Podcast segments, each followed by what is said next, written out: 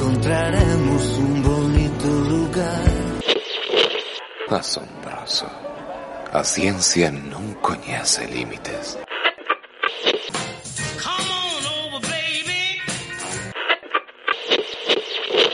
Acaba de sintonizar vostede Valeiro Perfecto.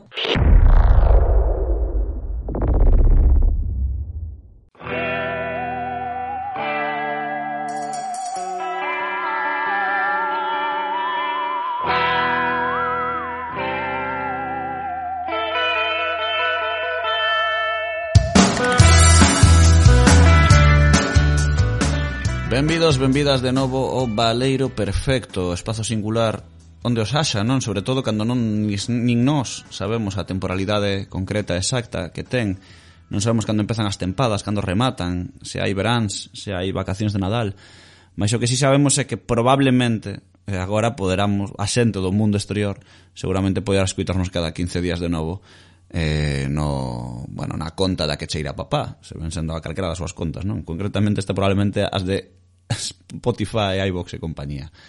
Volvemos, como non podía ser outro xeito, e volvemos co, co equipo titular case, o equipo titular enteiro, algunha baixa temos, pero agardamos que sexa eh, como se diría, eh, temporal, non? É unha cousa así, xa daremos o alta, pero temos, por suposto, uh, dende, vou arriscarme, vou arriscarme, dende Lalín, dende o Centro Galego ao Mundo, Alba Rozas, compañeira.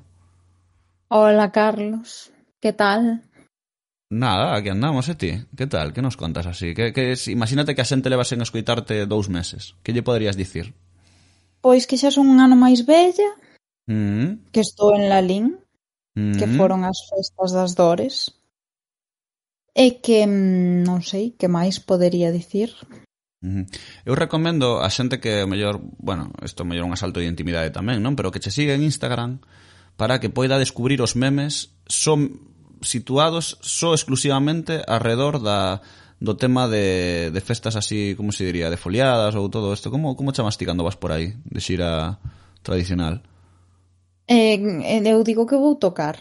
Vas tocar, o do bolo bueno. é demasiado innovador. Eu, eu digo que vou tocar.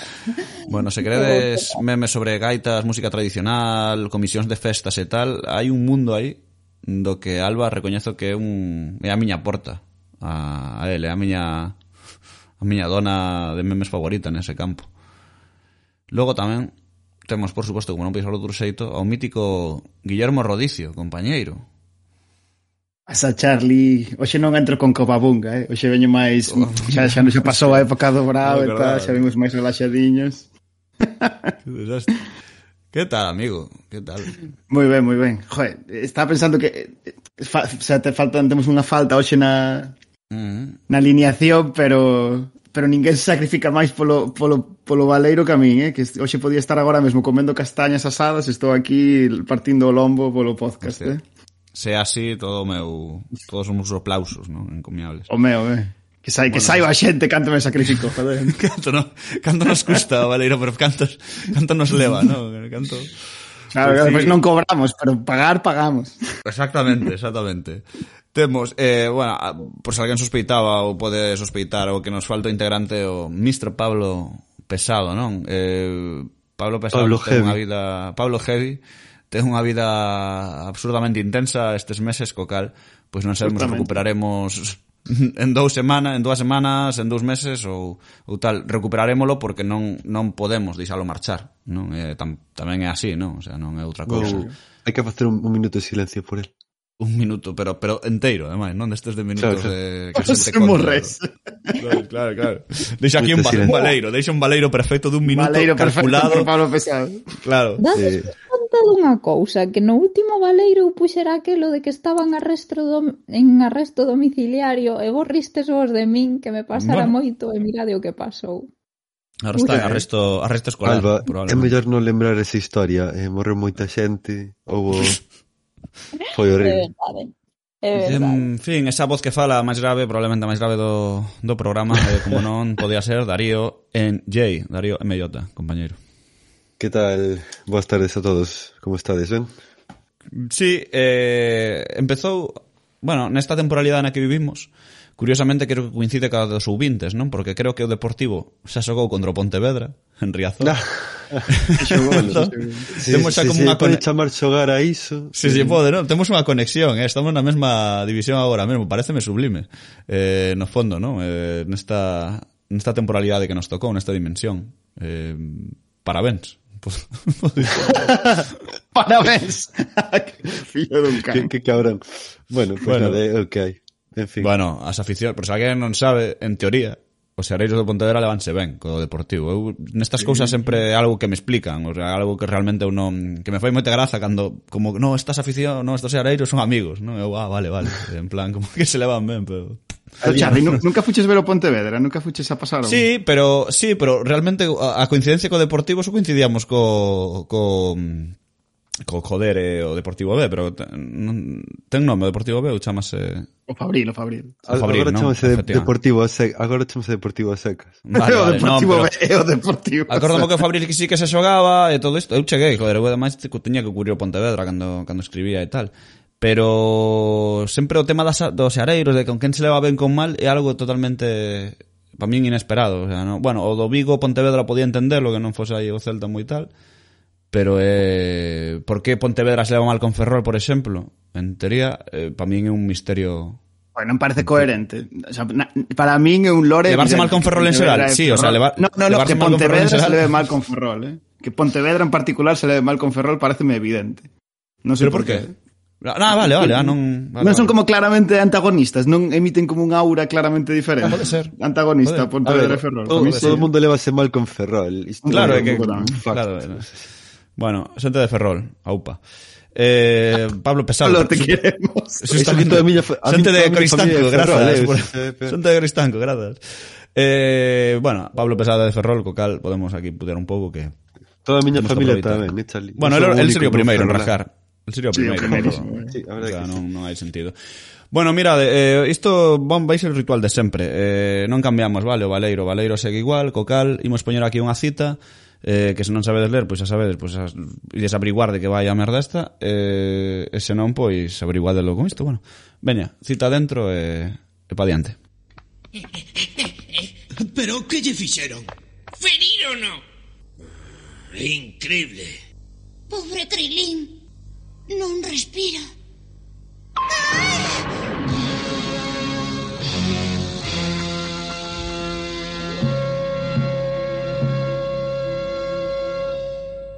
Por favor, non. Non pode ser. Un monstro. ¿Eh? Como?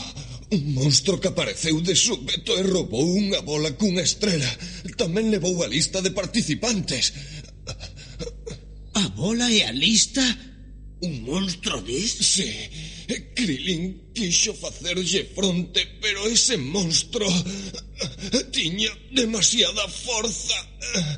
Pois efectivamente, como sospeitaredes e como que tedes capacidade de ler, sabedes que hoxe imos tocar un tema magno, un tema enorme, eh, como é a morte. A morte en concepto, en conxunto, non? En persoa. Eh, xa teño vou, vou empezar a valer non? como pedindo disculpas por deixarnos temas fora porque o tema da morte é inabarcable eh, concretamente dicirse por que collastes non focalizastes máis porque señores porque este é o noso podcast de momento ainda podemos escoller noso título Entón, pois, pois adiante con el. Mm, como sempre, eh, sempre xa sabedes que aquí hai o ritual de contar a nosa primeira experiencia coa morte. Aquí cada quen, pois, o mellor non, non sei se ten que ser a primeira, xa vou abrir a man, eh, no noso caso, para que non contedes intimidades desastrosas familiares, entón, eh, o que queirades comentar tamén. Así que, Alba, teste a palabra e contarnos a túa vez primeiro ou a túa experiencia particular eh, coa morte en sí. Mm eu imaxino que xa coñeceredes moitos de vós, o sea, eu a miña este momento no que es consciente da morte do que mo, do que a morte implica normalmente cando che morre un familiar moi próximo. Entón, non, non vou afondar, pero a min cando me morreu miña nai, quizáis a representación da morte foi pois cinco meses despois do enterro, cando cheguei a casa e vin a nevera baleira, e na miña cabeza so, sonou unha frase que foi e que non vai volver. Mm. E xa está. Foi como esa consciencia de é que non vai volver. Que ven un pouco máis tarde do que ven sendo o falecemento. Eu mm. creo que é iso. Rodicio? Pues, que duro claro, agora joder, levantar primeiro, primeiro, primeiro, esto... ¿eh? joder, Alba, ¿eh? a, pri, a primeira no, no fígado, eh? Claro, joder, joder. Macho.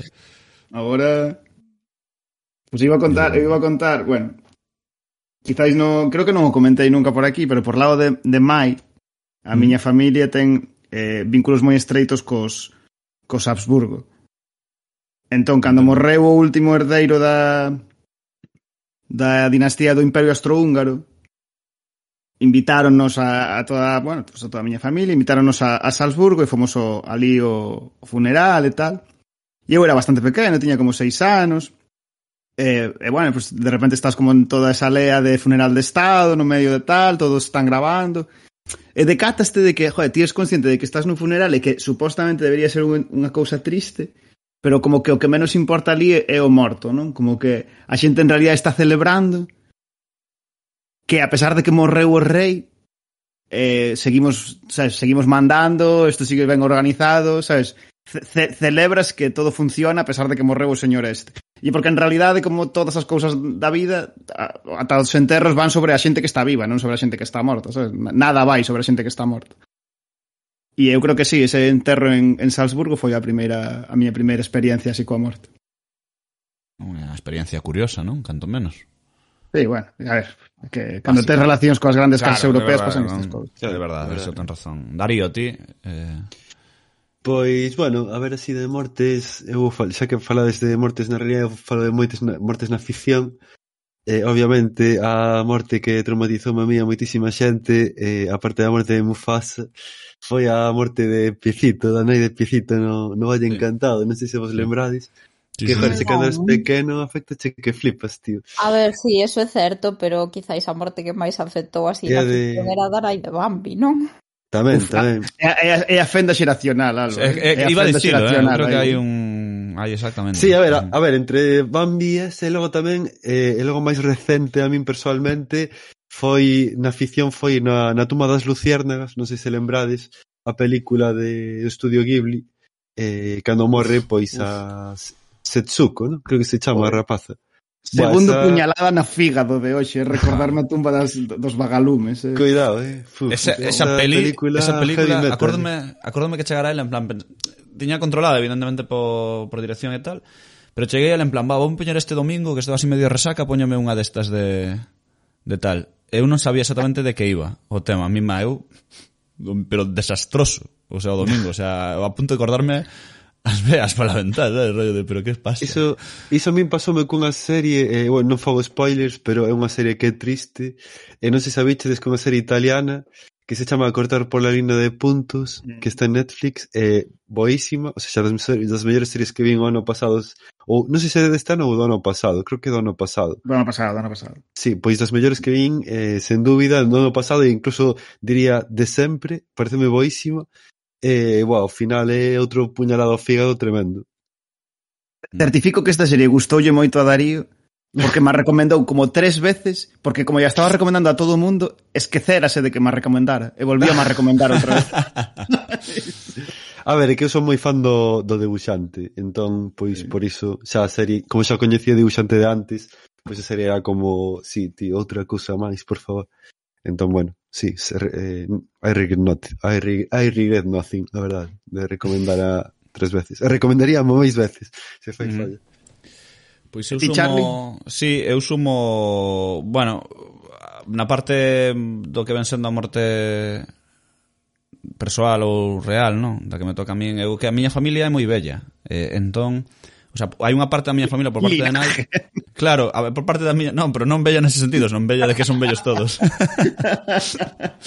entón, miña nai foi un accidente descarado no seu día, non? Entón levase como 30 anos, 20 anos coas súas eh, irmás. Entón, claro, eu dende pequeno os meus tíos eran como os meus abuelos, os meus primos parecen os meus tíos, ese tipo de cuestións, non? Eh, entón, claro, dende moi pequeno case case fun enterrando fui enterrando xente familiar, entón a morte na miña familia é algo moi mm, non habitual, pero si sí dende dende moi, como se diría, eh, dende o primeiro día, vaya. Logo na o que dicía a ficción, é verdade, a piecito tiña por aquí anotado eu, tiña por suposto de Mufasa e tamén tiña a de, a de Marcial. Eh, quen era Marcial? Marcial era un actor, bueno, era un personaxe secundario de médico de familia eh, na temporada, na tempada 9 que aí concretamente era un episodio de Nadal, pois tiveron a estupenda idea de titularlo Adiós muchachos, era o Marcial, que sufriu un accidente de coche. Non sei se está descontrolando, non? Non sei se vistes médico de familia, eh, aquela serie de Emilio Aragón. Sí, sí, sí. Muy noventeira, non? Pois había un tipo como que era... o- Exacto, exacto. No, eso, no, eso era farmacia de guardia? Sí. Hostia, es verdad, es verdad. Cuidado. Uf, Perdón. uf. Uf, perdón, perdón. No, Vergüenza, medio familia sí, iba sí. eso, con, con este, con, como Emilio Aragón e bla bla bla, ¿no? Durou un tempo, tivo seu éxito e tal. E había este personaxe que era como personaxe riquiño da serie, ¿no? Así medio medio chapuzas, pero con bo corazón, non sei que. E esa, ese episodio é totalmente eh, unha recreación infame de, de como dar pena, ¿no? O magua ou tal, non? De o pobre ten un accidente de coche e queda atrapado dentro do vehículo. E hai moitísimas escenas, non? Con el ali coa cabeza aí sangrando por, por riba do volante, en, falando cos co resto dos personaxes, non? Hai, uh, eh, no, non creo que salga de... En plan, pero, pero esta, pero esta cousa... E incluso acababa, pero isto é unha tolemia, eh? acababa Morre, ¿no? Eh, Marcial Morre nese momento tal, eh, había un actor este... Eh, creo que se chamaba Luis Miguel Astorga, non? Eh, que tiña síndrome de Down, non? E berrando por el, non? Ali era como o, como o cume, non, da, do dramatismo, non, absoluto, de, por favor, basta, non, o sea, creo que abonda, non, creo que entendimos que Marcial Morreu non, non facía falta toda esta, esta tensión dramática para, para chegar. E foi no su día, hostia, non? Supoño que aquí en España ou no Estado español relacionaríano con, con Chanquete, non? Que tamén foi unha ah, das míticas así. A, a outra fenda xeracional tamén. Sí, outra, non? Eu non vin, eh, verán, o sea, se alguén dúbida, eu, eu non vin Verán Azul nin nin o verei nunca. Si que me fixo graza que unha vez por Twitter poñían algo de antes antes no sei que, antes los spoilers sí que eran buenos. Y había unha portada del non sei do lecturas ou que fora con Chanquete, Chanquete muere en el próximo capítulo ¿no? y a tomar por cu ah, hostia claro. De non sei estas cousas curiosas ¿no? na televisión. Hai moitas a mellor afondamos logo na Natal non pero hai moitas mortes seracionais ou míticas non que que están aí, non? Dentro da ficción que, dramática apostólica romana, vaya. En fin, mm, ata aquí a primeira, as nosas primeiras aportacións. Non sei se tendes algo máis, supoño que non. Así que vou poñer a melodía de sempre, porque non podía ser outro xeito, e xa vamos a, a definir a movida.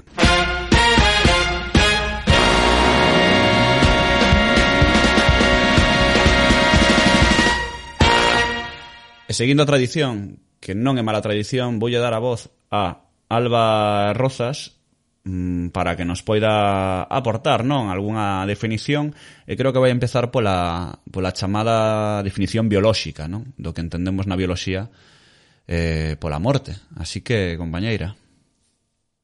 Bueno, pois imos coa definición científica da morte que biolóxicamente sería a fin da vida. A morte do ser humano sería a perda permanente da conciencia considerando os seus componentes anatómicos e fisiolóxicos e, de forma inherente e inseparable, a pérdida da capacidade do organismo para funcionar como a un todo. Iso é morrer, queridos amigos.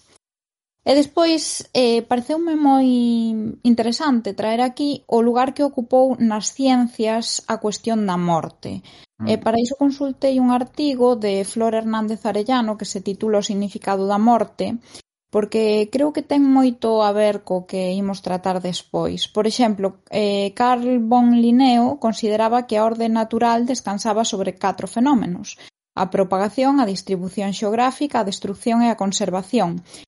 Entón, a morte mantén a xusta proporción das especies. Non sei se isto vos recorda, por exemplo, a Thanos, o de Marvel, e todo o que sustentaba, polo menos en canto ás películas e os cómics non os lin, pois todo o que sustentaba a o que estaba facendo Thanos, que era reducir os, a poboación dos planetas á xusta metade, non? Para manter o equilibrio Mm. universal. Perfectamente equilibrado, non? Está co coitelo así apoiado. Claro. Podemos facer un meme, non? Co o tigre do futuro e o valeiro perfecto, non? Como as dúas empuñaduras de perfectamente equilibrado.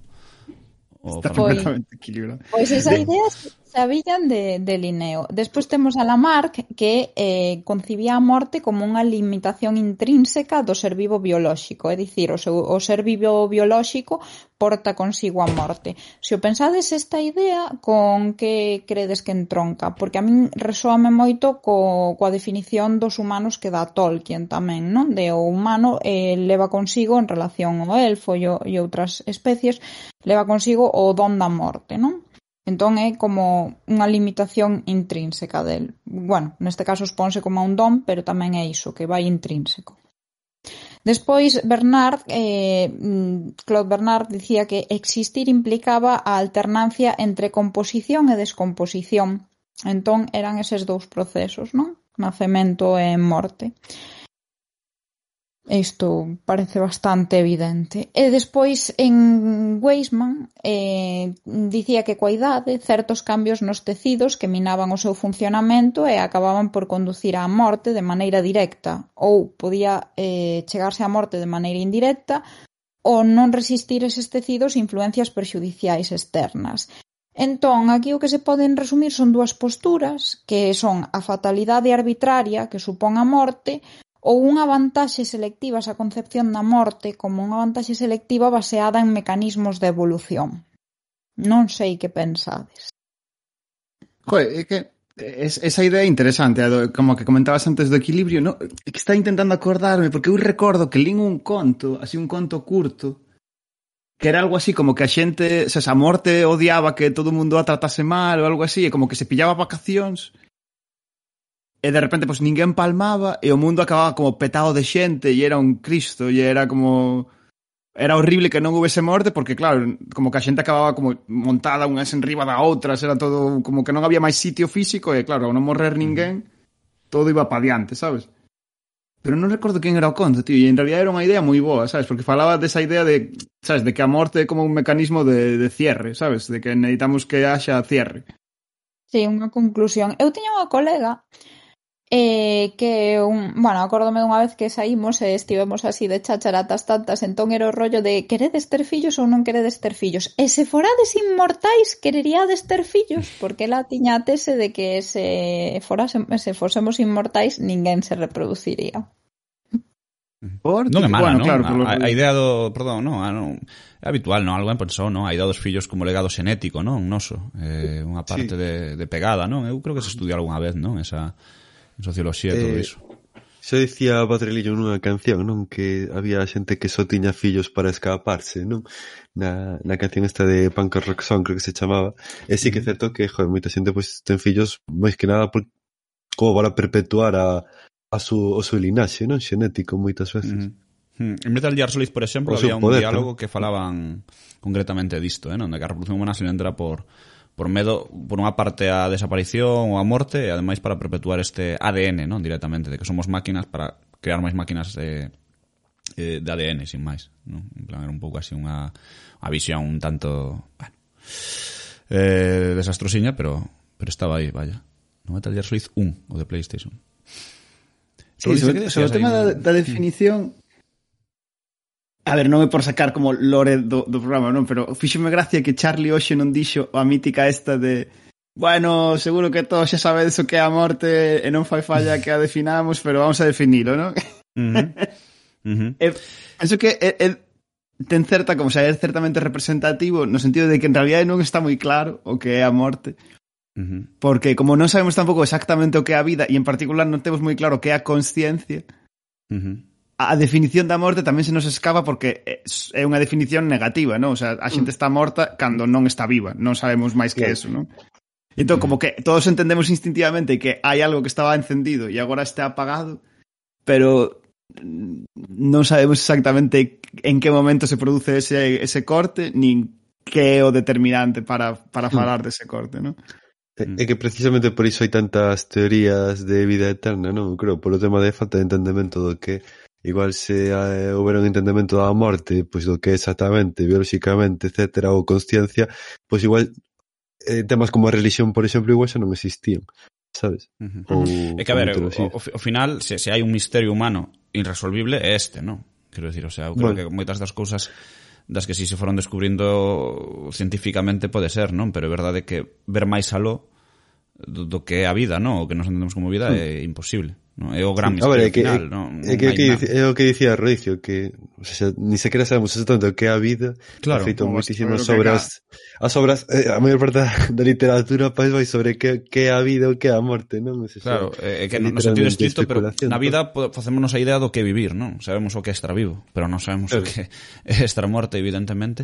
E como dicían, bueno, isto era, máis ben, isto decía moito, a, o, por lo menos moi galego, esculleno sempre, non? A putada non é morrer, senón estar tanto tempo morto que era un pouco así. Entón, claro, eh, non sei, é curioso que dices tamén da morte, ademais a morte entendémola, estabas falando dese, dese trance, non? De morrer. Pero tamén é certo que personificámola, quero dicir, a morte pode ser un personaxe, a morte pode ser un estado que contaste a morte pode ser un suceso, non? E creo que por iso probablemente se non aportei a idea de todos sabemos o que a morte porque creo que todos ou cada moitos de nós temos diferentes cousas na cabeza, non? A hora de de definir o concepto ou mesmo de, de sostelo non? No, entre as nosas mans o, a concepción e, e culturalmente inclusive o tratamento da morte como logo non sei se afundaremos ou non é totalmente variable, non? Quero dicir, dende os ritos que facemos unha vez morre alguén a, a propia idea de asumila ou non asumila eh, dependendo da cultura da sociedade na que vivimos mm. eh, o castigo inclusive que hai a hora de recibila, non? Quero dicir, o sea, a eutanasia ainda non hai tempo, non hai tanto tempo que en España é aplicable, é, é moi, moi complexa a nivel social sí. e antropolóxico. Uh -huh. Sí, porque, a ver, a morte vai máis alá de, da bioloxía, non? O fenómeno da morte. Por exemplo, a representación da morte e do alén eh, ten sempre relación coa vida, coas formas de vivir en cada época e coas crenzas vinculadas a ela. Eh, tamén hai que anotar que Pode ser non a morte senón a representación anticipada da morte o que inspira terror. É dicir, non inspira terror a morte en sí, senón ese anuncio da morte. E as actitudes, eh, comportamentos e representacións do, do home, do ser humano ante a morte son sempre culturais. Eh, claro, son costumes que varían dun tempo a outro. A veces a morte vese como un feito natural e inevitable e outras vese como un inimigo a vencer, que eso todo está pasando na nosa época. Por mm. exemplo, nas eu mm, no artigo que vos dicía atopei que nas sepulturas europeas da época neandertal eh, o que se atopaban eran utensilios eh, que indicaban a crenza en que había supervivencia ou unha vida post-mortem na cal se precisaban pois alimentos e utensilios. Na Idade Media a morte ten que ver cunha experiencia de, de introspección porque aí é onde aparece o factor relixioso e a vida debía ser a preparación para a eternidade. E ademais a morte era unha intervención persoal de Deus deliberada e supoñía a loita entre anxos e demos pola alma do que morría. E, e é necesario na Idade Media morrer de boa morte para chegar aos ceos, ao, ao, ao reino dos ceos. No romanticismo xa deixa de estar asociado ao mal, porque morre a persoa amada, entón xa deixa de estar asociado ao mal, pero sí que é certo que sigue vinculado ao pecado. No século XIX, por exemplo, outro mundo é o lugar donde se reúnen o, os que foron separados dos vivos pola morte. A morte, pois é eso, é unha especie de proceso ou cambio de estado e e o alén é o mundo onde eh, nos reunimos eh, os que quedamos separados. Eu, por exemplo, isto pois podo velo mellor en Son Goku, que podemos falar despois. E actualmente a morte vívese como tabú mesmo as persoas que saben que van morrer, enfermos terminais, socialmente hai un afán de loita ata o último momento contra a morte, sen importar as circunstancias adversas, e eu eso vivino, porque, por exemplo, iso, miña nai morreu de cancro e eu recordaba eh, pois que o médico nunca chegou a, a dicir expresam, expresamente que morría, tivenllo que ir preguntar eu, e recordo a xente que dicía que, que había que loitar hasta o final, que no seu caso tamén estaba todo perdido, e despois que os seus familiares viviran sete anos máis, porque en realidade os médicos tampouco tiñan todas as respostas, E a ver, era algo que obvías, que como non vai vivir sete anos máis. Eh, entón, pero eh, eu sí que, polo menos eu sí que me atopei con este pulo social de non te deixes vencer, non? Non te deixes vencer, sí. aínda que mm non hai nada polo que loitar realmente. E aquí, bueno, non Non quero destapar totalmente esta idea porque levo como do, dous anos pensando facer un vídeo de YouTube sobre este tema, pero, ¿Eh? pero va, total, eu que sei. Pero hai unha sobre este asunto, penso que é interesante a figura do do xudeu errante. Non sei se coñecedes a, o mito sí, do xudeu sí, errante. Sí, sí, sí, sí. Pero bueno, Alba sí, porque é a nosa experta ¿no? aquí en mitos e eh, tal, pero mm, por resumir, basicamente foi que iba Xesucristo iba iba andando para, para a cruz o Calvario. Sí, vaya, para, para o Monte de Golgota tal, e pediulle axuda a un tipo e o tipo en vez de darlle axuda como que como que se riu del, non? Eh, botou, ¿sí? Escupiu, non creo, escupiu, non creo. Sí, vale. o sea, el botou. Vale, igual, que é un mito medieval destos que non teñen forma, sabes, non está escrito na Biblia nada desto. De sí, ¿no? sí, Pero... sí, sí. Pero vaya, como que jaja, como que se descojonou del. E, e Xesucristo xirouse e como que como que lle botou unha maldición, por decir así, non? eh, dixo algo así como en plan, eu morro hoxe, pero ti vas a vagar ata que acabe o mundo, non? E entón o tipo non morría, é un, un xudeu dos, dos tempos de Cristo que sigue vivo ata os nosos, ata os nosos días. Eh, e me parece como moi curiosa esta idea do, do, da inmortalidade como maldición que ten moito a ver co, cunha noción medieval e antigua da vida como eh, tempo que é unha puta mierda, sabes? En plan, ti estás vivo porque, bueno, non che queda outra, pero en realidad a vida é unha mierda e polo menos Palma se vas ao paraíso que mal que ben, sabes? Sí.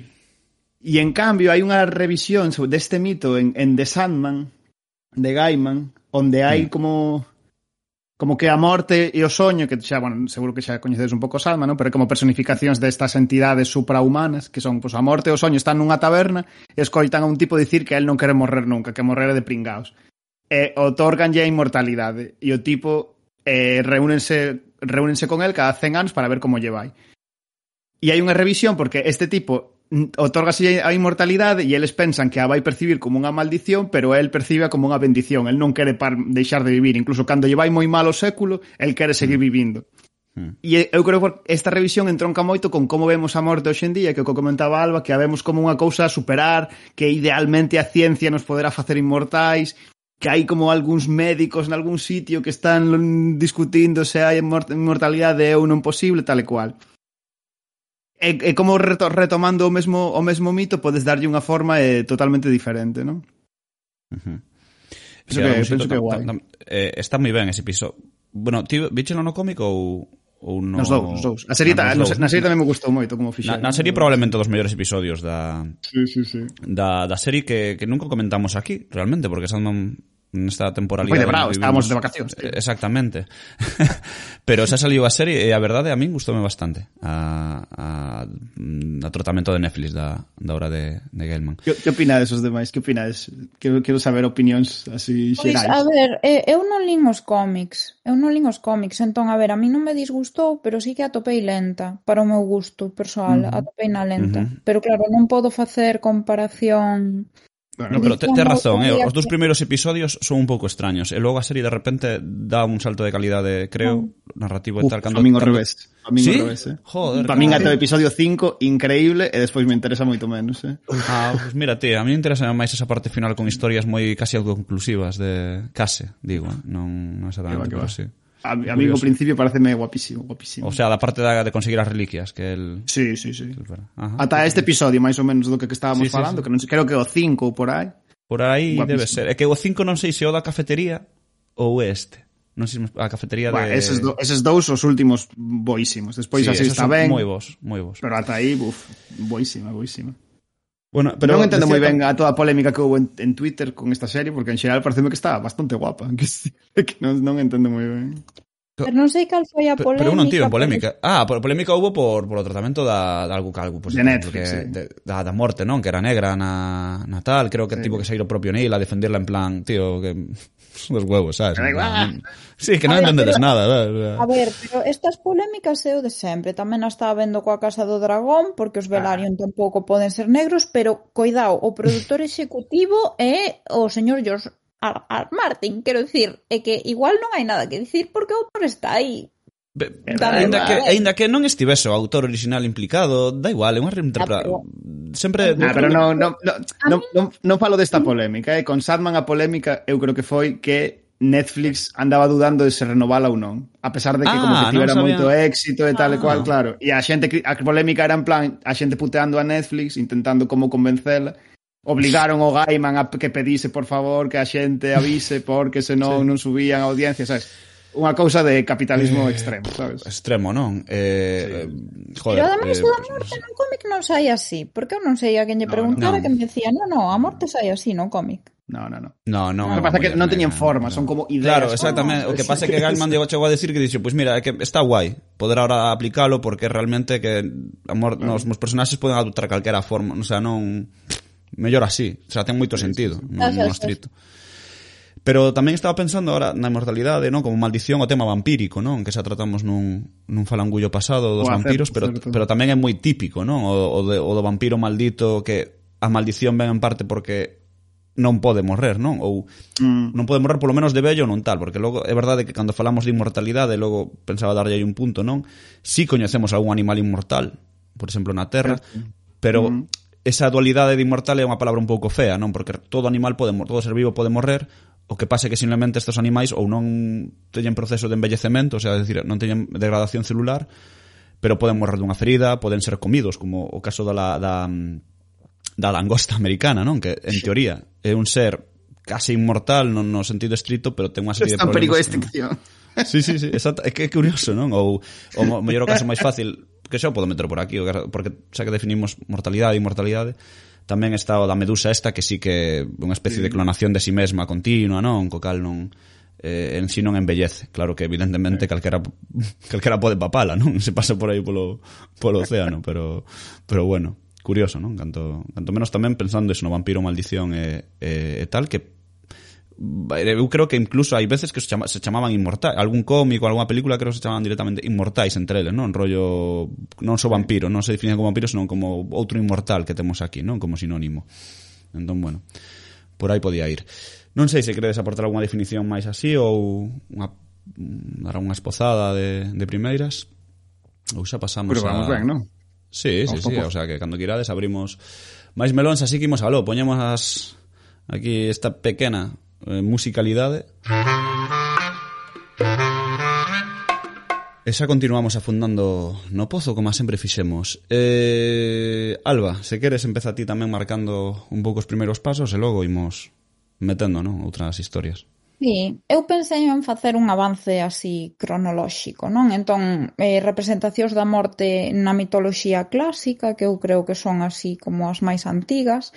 Na mitoloxía grega está Hades, o deus do inframundo, e tamén o inframundo en sí, que se chamaba Hades, e que tiña unha parte que se chamaba o Tártaro, que era destinada á tortura e ao sufrimento.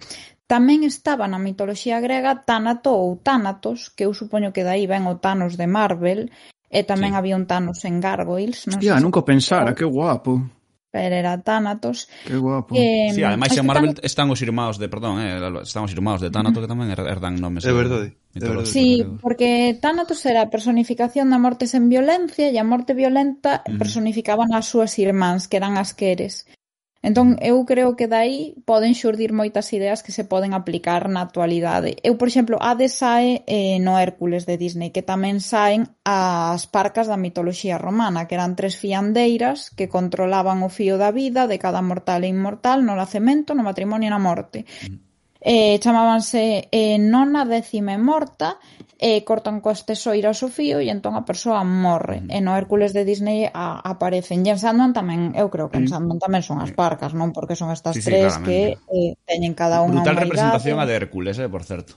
Están super ben feitas. Son super extrañas, truculentas e eh, tétricas, ao tempo que sí, divertidas sí, pos son nenos, como pero... bruxas Son sí. como bruxas. E logo, sí, sí. cando lle queren cortar o fío, e é como este fío, como desafiadas de todo, e é como este fío non se corta, é inmortal. E van pasándose como... ollo, porque como só so teñen un, van, van rulando o ollo dunha outra. É verdade. Sí, sí. É certo. E despois nada, eu anotei unhas referencias que atopei e que me chamaron a atención porque temos a Anubis, a Anubis, que é o deus da morte no antigo Exipto, que se representa con forma de can ou home con cabeza de can. Só vos isto do can para representar a morte. Non digades nada, non digades nada aí. Pa que vas a pregunta entón, joder, me teatrillo no, te A eh. A ver, canto tardamos? Espera, vou, espera, déxame, Levamos 30 e pico minutos de programa. Este é o que tardamos en facer a referencia. Creo que todo o mundo sabe a referencia co cal imos continuar. Podemos continuar. No, no, podemos... finximos que non pasou, non? Vale, entón, a ver, hai tamén moitas Para, outras, Espera, non? perdón, perdón, eh... perdón, Dari, perdón, perdón, perdón, Alba, antes disto. Eh, podes facer un meme rodicio de mm, o típico cartel da cidade, cantos días, episodios en tanto... Eh... apunto, apunto, episodios vale, sin vale. que se mencione tal. veña, veña, perdón, Alba. Pois nada, que tamén hai moitas outras referencias, por exemplo, no hinduismo está Kali, Mengpo na mitoloxía china, que, que se non me equivoco é unha deusa que fai que te olvides das vivencias pasadas, futuras, non sei, cando te reencarnas, que te olvidas do mm. precedente. Sí.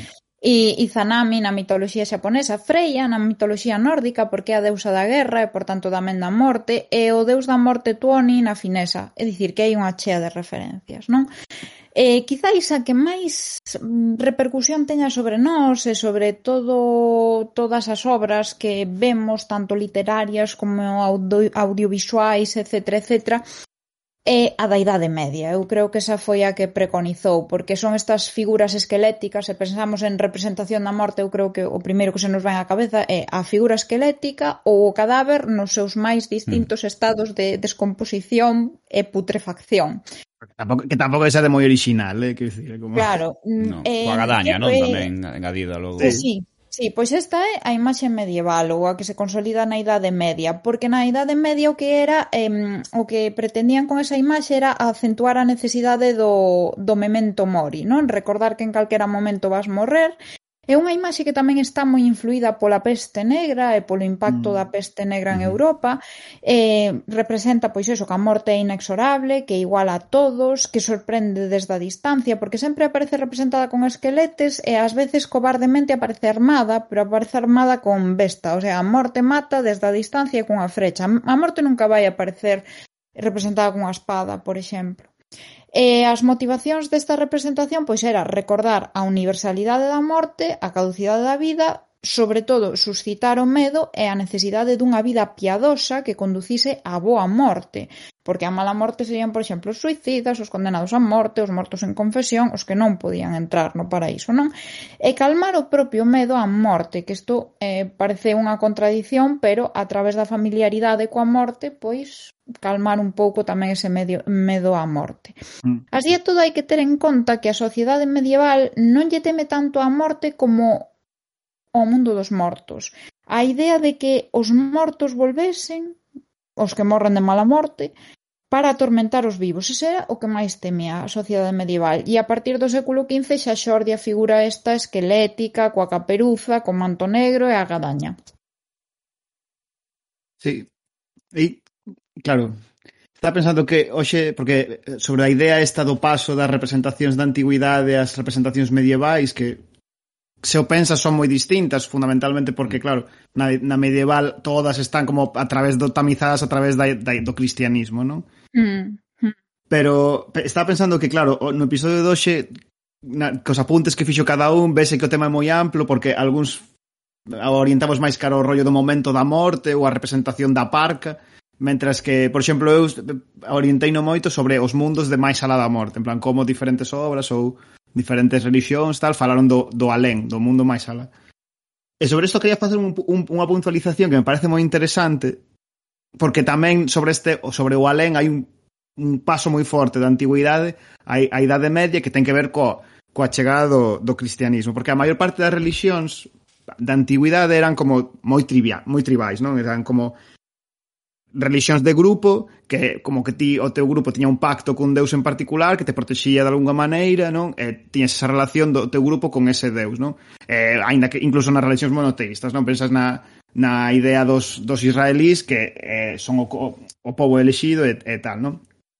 Entón, moitas veces, a religión de estas religións tribais reflexan na estrutura do alén, do máis alá tamén, a estrutura social do grupo, porque no fondo non existi, non había unha idea ecuménica da religión, senón que só era unha cousa que temos nós como grupo. Entón, eh, no máis alá tamén, pois a xente de máis nobre ou que tiña unha vida máis eh, nobre ou máis con máis máis heroica, normalmente tiñan como asociados eh, uns uns aléns particulares, non? Ves, penso nos sí. no Valhalla dos vikingos, nos campos elíseos dos dos gregos, non? Dos os campos elíseos dos gregos, sí, tan, sí. Eh, Eh, mentras que pois, pues, o resto da peña normal pois pues, morre e pista, tampouco é tampouco é moi importante, non? Pero igual que non son moi importantes durante toda a súa vida, despois de mortos tampouco son moi importantes. En este exemplo, por exemplo, penso que é moi moi curioso, mencionaba o, o xudaísmo porque teñen un alén rarísimo. Se, se intentades investigar sobre o paraíso ou o inferno dos xudeus, teñen uns, unhas discusións loquísimas porque o, o xudaísmo de por sí é como moi complexo e non teñen nada claro se existe vida máis alada máis alada morte, de existir non teño moi claro se é unha cousa de gozo ou de tortura ou como son as normas. E no fondo eu penso que é por, precisamente por isto, non? porque o xudaísmo é unha religión que durou durante tantos séculos e en entornos sociais tan distintos que necesitaban ter un pouco de flexibilidade coa idea do alén para poder manterse como religión tribal, pero, por exemplo, para un pobo con unha gran emigración, non? E en esta problemática, o cristianismo resolve dunha maneira que eu penso que lle dá unha ventaxa competitiva da hostia como religión, que é a idea do, da religión ecuménica a través do alén. En plan, todo o mundo van palmar e vai ir para o mesmo sitio coas mesmas normas, da igual que si estás dentro da religión ou fora, e da igual eh, eh, e, da, e da igual a túa clase social previa ou como fora a túa vida, só hai unhas normas morais que tens que adoptar, non? eh, e non hai étnica. O sea, ti podes ser un romano, de repente te ascribes sobre o cristianismo e podes chegar ao paraíso sen problema. Eh, e isto é o que convertiu, eu creo, bueno, é unha das grandes discusións no, da historia, como conseguiu o cristianismo facerse eh, moi popular no Imperio Romano. Pero eu penso que en parte foi por isto, non? Unha sociedade onde había unha clase baixa superpopulosa a idea de, joder, de que poderían ser chegar ao paraíso a pesar de ter unha vida de mierda, era como moi infecciosa, non sei, un pouco como, un pouco, igual un pouco, un pouco bestia este exemplo, ¿no? pero igual un pouco como comunismo durante o século XIX, sabes, en plan... Darío, non me, No me to... Sí, eu, eu penso que sí, eh? O sea, era unha, unha no, maneira que... de convencer as, as masas populares de que podían ter unha mellor vida, sabes? É unha idea super... Sí, pero é que precisamente isto do trato Karl Marx nos seus estudos. Realmente o que di é que esta idea dunha vida... O sea, cando fala da religión como opio do, do povo, refírese precisamente a isto, é dicir, eh, a promesa de sí. que a pesar das túas condicións uh -huh. sociais podas ser, eh, ter unha vida eterna pois con todas as comodidades ou no ceo, non? Eh, simplemente pois cumprindo o as leis relixiosas e o que te establece a religión como debes comportarte é o que fai que a xente eh, aliénase, non? E, e sí. actúe conforme os dictados da clase social establecida, non? Que a través da religión fai ese control a, a, ao que son as clases baixas, non? Pois é un pouco iso. Sí que é certo, en parte o que comentas ti, pero bueno, o, o, o que se chama no, nos escritos de Karl Marx, o opio do povo é precisamente isto, non? A promesa dunha vida eterna que poida compensar a túa vida terreal, non? Sí, o que, o que quero dicir é que se comparas co conxunto das religións, moi poucas religións fixeron isto. A ver, eu creo que todas as religións fain. Para nada. Pues, ti pensas en todas as religións, o os xudeus importa es unha polla onde vayas ti despois de morto. O sea, non lles sí, importa. Pero, por exemplo, los musulmáns sí que pero importa. Porque, porque cando falo de que moi poucas religións, falo de que só as religións ecuménicas o fixeron, e son tres, basicamente. Sí, non houve máis religións así, é como unha claro. cousa tecnolóxica que que as religións que máis triunfaron foron porque fodos, foron capaces sí. de introducir esta idea, sabes? É posible, sí. Uh -huh. Que unha cosa... Igual a xente, cando falamos de religións, igual a xente ten, eh, eh, non digo por Darío, digo, inclume eh, ás veces, pensamos nas catro que que conviven actualmente ou máis ou menos tal, pero entendo que en un momento dado da historia probablemente hubo centos de religións convivindo eh, ao longo do mundo, non? Bueno, es, e agora tamén están aí as sectas, ese, as probablemente se gaben, claro, eh, por suposto, non? Pero al final, sí, que es así. Quero decir, a día de hoy cales son as catro? Eh, cristianismo en sí, non? Eh, cristianismo, islam, eh, bu islam, budismo, budismo e hinduismo e xudaísmo. Hinduismo, non? Eh, Tamén debes das máis numerosas. Eu, eu metería o, o mormonismo, pero non sei se o metedes en cristians. Home, sí, en realidad. Sí, sí. non, pa, sí, sí. Claro, pero a, a, a eso me refiro, que decir que en realidad a, a como a idea tecnolóxica, por, por empregar así un pouco un termo sí, tal, sí, sí. das religións que conseguiron ser como moi infecciosas, como saírse do, dunha etnia en particular, foi precisamente o alén, Promo, sabes, en plan como, o... como diseñaban o alén. Sí, uh -huh. efectivamente. Eh, eu creo que é iso. E claro, e, es, e seguindo co que dicía Alba, do paso da antigüidade á, a, a Idade Media, unha vez chegada a Idade Media en que os reinos cristianos xa estaban moi asentados, en realidad esta idea era como pouco rendible porque eran sociedades super estratificadas, non? De de onde onde sí que había claramente clases sociais e cada un eh, tiña unha vida moi diferenciada dos demais, entón como que a idea de que todo se reunía despois da morte era un pouco como contraintuitiva Uh -huh. E eu penso que hai moitas moitas representacións medievais da, da, da morte que intentan como reunir esta, esta dicotomía e a que me parece máis guapísima e se non o liches vai parecer como en plan me pongo las gafas gordas para recomendar pero se non liches a Divina Comedia por favor le da Divina Comedia que está guapísima a Divina Comedia está guapísima porque é como unha especie de rexouva de de eh, basicamente Dante poñendo a parir a case todo o mundo de Italia do seu tempo, colocándoos en diferentes zonas do inferno, sabes, en plan inventándose toda unha xeografía de como debería ser o inferno para colocar a peña en función de como lle mal decaían máis arriba ou máis abaixo. Eh, e unha idea, claro, que é aplicar como a lógica xerárquica da sociedade que tives todos os días o máis alén, non? Como mm. tamén os, o inferno debería funcionar así, non? Porque a nosa sociedade de todos os días funciona funciona desta maneira. Mm. E que estaba pensando agora, é posible que tamén a morte esa, ou a preocupación por elas esa algo eh, entre o clasismo e a pobreza? Quero dicir, é probable que os ricos eh, preocupelles moito máis a vida en sí terrenal, non? Quero dicir, non ten ningún problema co cal esta vida lles parece moi perfecta, por, preocupame morrer, non? É probable que os pobres o mellor tamén trascender a, a idea de que mm, había que prometerlles algo despois, quero dicir, non sei se me explico e tal, porque esta vida tampouco é, pero non lles preocupaba tanto a morte, quero dicir, no pasado non sei se agora na actualidade, onde a Universidade Social creceu, onde tal, onde falamos antes mm. da idea de romper a medicina avanza de cada vez vivir máis, cada vez vivir máis, pode ser que a morte sexa unha preocupación tamén eh, que vai da man do noso benestar social, quero dicir, canto mellor estamos, máis pensamos en, en querer vivir isto, no que estamos agora, ou, ou non tanto. Eh, eh, é, é unha movida Porque aquí, por exemplo, eu recordo na carreira ler, lermos Antígona, non sei se coñecedes Antígona de Sófocles. Sí, sí, sí. Bueno, creo que xa falamos sí. nalgún, nalgún podcast. Es, pode ser, léramos, en... relato, eh? léramos na licenciatura, a redición un teléfono. Sí, sí, por eso digo que léramos na carreira, na, en Dereito. Eh, oh, pois non e, e, digo que era interesante porque, claro, falaba antes Alba da representación grega da morte por Hades e tal, pero varios expertos, eh, a través, por exemplo, deste tipo de obras de teatro e tal, falan de que en realidade había como varios sistemas religiosos convivindo na Grecia clásica, mm. e que a nivel popular, a nivel de clases baixas, había como unha especie de crenza como en deuses da terra ou deuses, unha especie de deuses negativos que nas que cría moita xente mm, do vulgo, basicamente. E non eran hades, eran como unha especie de deuses do, dos mortos que non eran como a da religión oficial. E entón, claro, uh -huh. moitas veces temos unhas ideas de religións antiguas como unha cousa moi monolítica e moi clara como cuns, e, e non era, non era así, que non había un libro que ir ler como era a historia da túa religión, sabes? Era unha cousa moito máis plástica. Uh -huh. Eh, supoño Alba, que digo, sí, sí, sobre sí, o tema da preocupación é ese rollo, sabes, en realidad to, sempre preocupou, sabes, incluso a esa no, peña. Claro, eh, está claro, non, o pobre tenta comer e tenta traballar para seguir vivo, non? Claro, senón claro, deixaría claro. Eh, matámonos e está, non? Ha habido unha mierda morro, non? E tal e tal.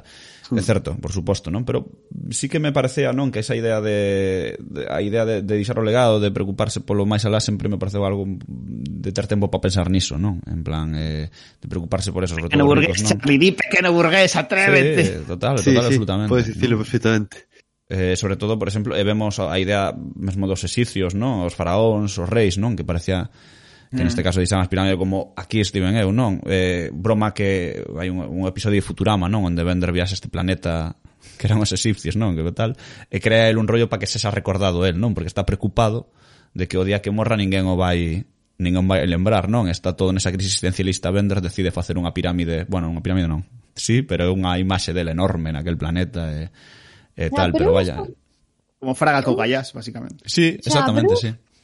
Eu eso relaciono máis cun, cunha necesidade de trascendencia. Quero dicir, creo que a preocupación sí, sí, sí, sí. pola morte tamén é de clases sociais baixas, pero que non teñen ese afán de trascendencia, que como pois o mellor eu decido levar este tipo de vida porque quero entrar no ceo onde considere que podo entrar unha vez morra, pero non me interesa, o sea, non teño pois iso tempo de pensar se quero hmm. ser recordado, se quero deixar un legado ou non. Bueno, sí, pero, exacto non son cousas tan distintas. Teño, teño apuntado para falar, pero xa que os saiu o tema, tiña apuntado por aí que hai varias obras onde falan sobre o tema de que vivir máis alá da morte é o mesmo que ser recordado. O sea, es que uh -huh. son literalmente uh -huh. a mesma cousa. E pensaba nesta copla, dun, dentro das coplas de Jorge Manrique, que di algo así como basicamente di que hai tres vidas, non? Que como a vida terrenal, a vida de do cristian de do do paraíso cristián, pero tamén a vida da memoria, non? De que te recorden.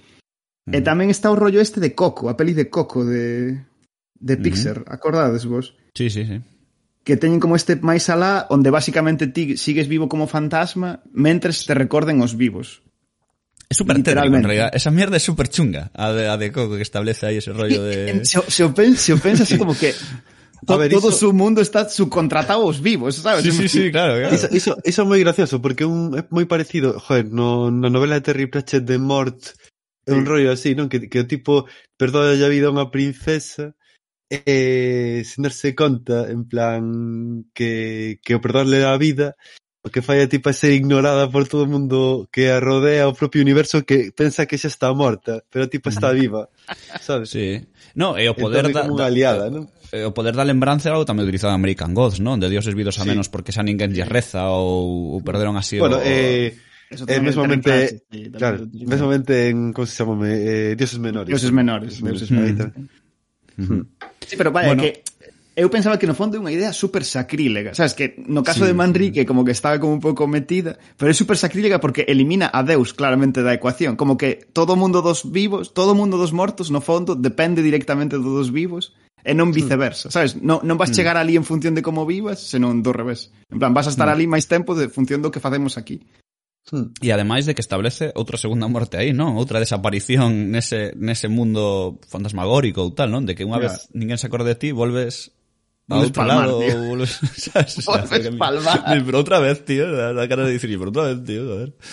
Sí, sí, claro, sí, sí. Pero dentro desa perspectiva enténdese o rollo das pirámides ou o rollo do Gaiás, sí. sabes? En plan, Fraga quería que a xente se acordase del o máximo tempo posible e dixo, vou montar aquí o pipote máximo.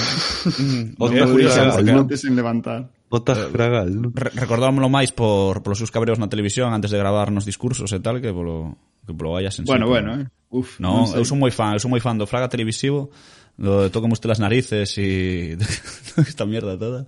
Foi moitísima gracia, Fraga Cabreado. Moitísima, moitísima. Eh, por suposto, a persoa que traballaba con el supoño que non, pero pero sí, o a Cidade da Cultura. O... Pero empoñelle nomes da peña as rúas, sabes? É unha especie de invocación, sabes? Cada vez que tes que decir a túa, a túa, cada vez que tes que decir a túa eh, o teu enderezo é invocar mortos, sabes? En plan, vivo, sí, sí. vivo na rúa do médico este que non sei quen é, sabes? Pero cada vez que menciono sí. o seu nome, vive de novo, sabes? Total, pues, eh, pues qué bonito eso, ¿eh? Eso daba un, re, pues un, un rollo de, de, de, invocación místico. O sea, en realidad... Ahí eh, estaba pensando en... Eh, ¿te, te acuerdas de cuando... eh, que hubo un debate de que querían levar a Fraga para o Panteón de Galegos Ilustres? En un momento dado que... Ala, ¿qué dis? Sí, joder, sí, sí, sí, sí. O Pepe planteara a idea. Sí, sí. Esto falárase. O que pasa é que, claro... en, dis, en, no, en a- serio, en serio. A mí suame que sí, joder. Eu creo que isto nos, nos círculos e tal, que naquel momento chegouse a, a comentar e tal, o que pasa é que, claro, dixen, no, ni de coña. A ver, a ver, cuidado, pero había certa xente que sí que defendía, ¿no? Que ao final Fraga, bla, bla, bla, que si o Galicia, Unha cousa, galegos... unha cousa cuantitativa, o sea, en plan, Franco ten que estar aquí porque, joder, a ver, é galego. No, pero xa sabes, bueno, xa sabes como se vendeu a figura de Fraga tamén na neste país, non? Eh, o sea, tampouco Sí, no, no, está claro, está claro. canta xente o metería, eh? Ou pensará que digno de, ou digno, bueno, que curiosa palabra, non? Digno, digna, pero Pero, bueno, vai de eso, vai de dignidade. Sí, fondo. supoño que sí, non? De merecer algo, non? De, sí, claro. pode ser. Pero o tema das rúas moloume, eh? esa idea de... É certo, non? Eh, Pero estou moi... En... Dende aquí, eu, estamos moi en contra dos da toponimia de persoas, eh? Polo menos eu. A pesar de, a pesar de que é molón esta idea de invocar mortos a través do teu enderezo, Ajá. eu acórdome de Valle Inclán, a pesar de que vivo na rúa Valle Inclán, sabes? Sí. non me fai fallar rúa. non me fai falta rúa, non? claro. E tal. Bueno, sobre iso tamén, además, eh, eso que falas de invocación e tal, eh, había, isto foi un apunte logo, xa, xa lle paso a palabra a Alba, non? Pero é unha frase que me decía meu pai, eh, que non me acordo onde lera él, ou bueno, unha obra, ou non. Pero bueno, viña a decir que nuestras caras, ¿no? A medida que nos, que nos, amosamo, que nos asomamos o espello, parecense cada vez máis as dos mortos. E me dicía meu pai isto, porque el ten claro que cada vez se parece máis a seu pai. En plan, cos anos que foron pasando, cada vez parecese máis, e ves as fotos antigas do meu abuelo, E ves agora meu pai e claramente cada vez está moito máis preto del, non físicamente, quero decir, o sea, parecense mm. brutalmente máis, non? E, o sea, e, eu pasama a min tamén que me ves unas fotos do, de, pues, do meu pai con 30 anos e ves moi, moi semellante, non? O mellor isto non pasa con todo o mundo, non? O mellor pareceste máis a, a tua nai ou teu, pero se si, si ves fotos antigas a veces é curioso como nos parecemos bestialmente a, aos mortos, non? E, e cada vez máis, non? Entón, so, este apuntiño pequeno intrafamiliar, non? Pero é unha frase que non hai un punto aí de que todos os vellos se parecen igual que todos os bebés se parecen. sí, sí, no, bueno, claro. Eso no, tamén, por que non? Non distingo, este bebé non se parece a ninguén, joder, é unha masa Hostia, de carne. Para pa mí é terrible iso, ¿eh? Para mí é terrible cando me dicen, no, este tiene los, la nariz del padre. Y yo en plan, tiene, tiene, tiene dos días. Está sin facer aínda, está medio fornear. Si ainda non ten, ainda non ten a cabeza pechada. Se lle meto, podo meter yo o dedo no cerebro. Joder, como vai disfarcerse a ninguén? Probando a ver se pode. Probando, ¿no? Probando aí. Niño, no toques, ¿no? Bueno. Joder, tengo o mesmo cerebro que seu pai. Que seu pai, ¿no? Sale listo, eh. Este, este sai listo. Oye, eh, Alba, eh, se queres saber hai un melón que tiñas por aquí apuntado tamén, non? Que, por suposto, falar do noso, que falar un poquinho pois, da morte, da representación da morte na, no noso país, na Galiza. Pois a ver, eh, bah, seguro que moito disto xa xa vos xa estades familiarizados. En Galicia a morte ten características de deus. De feito os tres grandes deuses serían un dos da tríada porque serían pois o deus o que nos referimos e, e o demo. Entón serían deus, demo e morte. E, de feito, a morte é máis poderosa tanto que deus como co demo. Sí que é certo que Como señor dos infernos o demo asume en moitos lugares as características do deus da morte ou dos mortos. Eh, bueno, temos exemplos como de Hades que xa dixemos, Plutón, Xerión, o Orco, Cronos, eh, Coro, etc. En, en Galicia non sucedeu isto. En Galicia o deu, a divinidade omnipotente é a morte. É unha divinidade temida, pero xusta, porque fai a todos iguais, E nos contos populares hai que dicir que é de xénero masculino, coa imaxe típica de Cronos, o esqueleto coa gadaña, e por tanto a morte é en realidade un morto. Ademais, eh, escóllese como padriño perfecto, porque Deus e o Demo, escollidos como padriños, admiten recomendacións e teñen dúas varas de medir, non? Son subornables, pero a morte non. E a morte ás veces duplícase en dous irmáns, que isto, eh, se non me equivoco, sae no lápis do carpinteiro. A morte branca e a negra. Certo, certo, é verdade. Mm. Sí. E avisa sempre da súa chegada para dar tempos mortais de axustar as súas contas. A morte Hostia. branca mm. é a que avisa e a morte moura, a morte negra, é a que ven recoller o defunto. E esta última sí que xa é inexorable. A morte blanca aínda lle pode ter compaixón, aínda mm, che pode dar unha marxe, pero a morte negra non. E hai tamén outras figuras que fan a función da morte branca, como son as agoireiras, e as bedoiras ou o antaruxo, que basicamente predín cando vas morrer e avisan de cando vas morrer. Para, para que eh, xuntes os papéis, tío, e que ao final... Claro, para que teñas todo listo e preparado. Eh, de todas maneiras, así, había un conto moi bonito onde atopei a información que o dicionario Seres Míticos eh, Galegos que dicía que chegaba a morte moura despois de chegar a Branca e dicía o señor, pero como non avisaches? E dicía a morte, pero a ver, non perdiches a visión, non é que case non te das movido, non é que porque xa era un señor moi maior, non? Sí. Non non é que pra, xa non tes dentes, que máis avisos precisas. Entón, para que no, para que se fagan as ouvintes e os ouvintes a idea de como poden ser eses avisos. Okay. Recomendación legal dende Valerio Perfecto, xente, hai que facer testamento, eh? hai que deixar, por favor, as cousas arranxadas, que despois é un rollo todo. E despois, a ver, eh, eu creo que a, a visión que máis asociamos e que máis popular e que máis se popularizou aquí da morte é a da compaña, non? A da compaña mm. que nos coñecemos vulgarmente como Santa Compaña, pero que ta, realmente chamase compaña e non ten nada de santa, porque non ten nada de santa, nin, nin de. Eh, o sea, non ten nada de santa. Eh, Eh, despois tamén se chama compañía, procesión das ánimas, o sea, ten diversos nomes, hoste, mm. hostilla, estantiga, eh, estandiga, estadea, pantalla, as da noite, zarrulada, que eu isto nunca os coitei, antaruxada, visita, acompañamento, rolda, visión, avisións, avexón, enxamio, xaira, bueno, ten un porrón de nomes, pero é a compaña, non?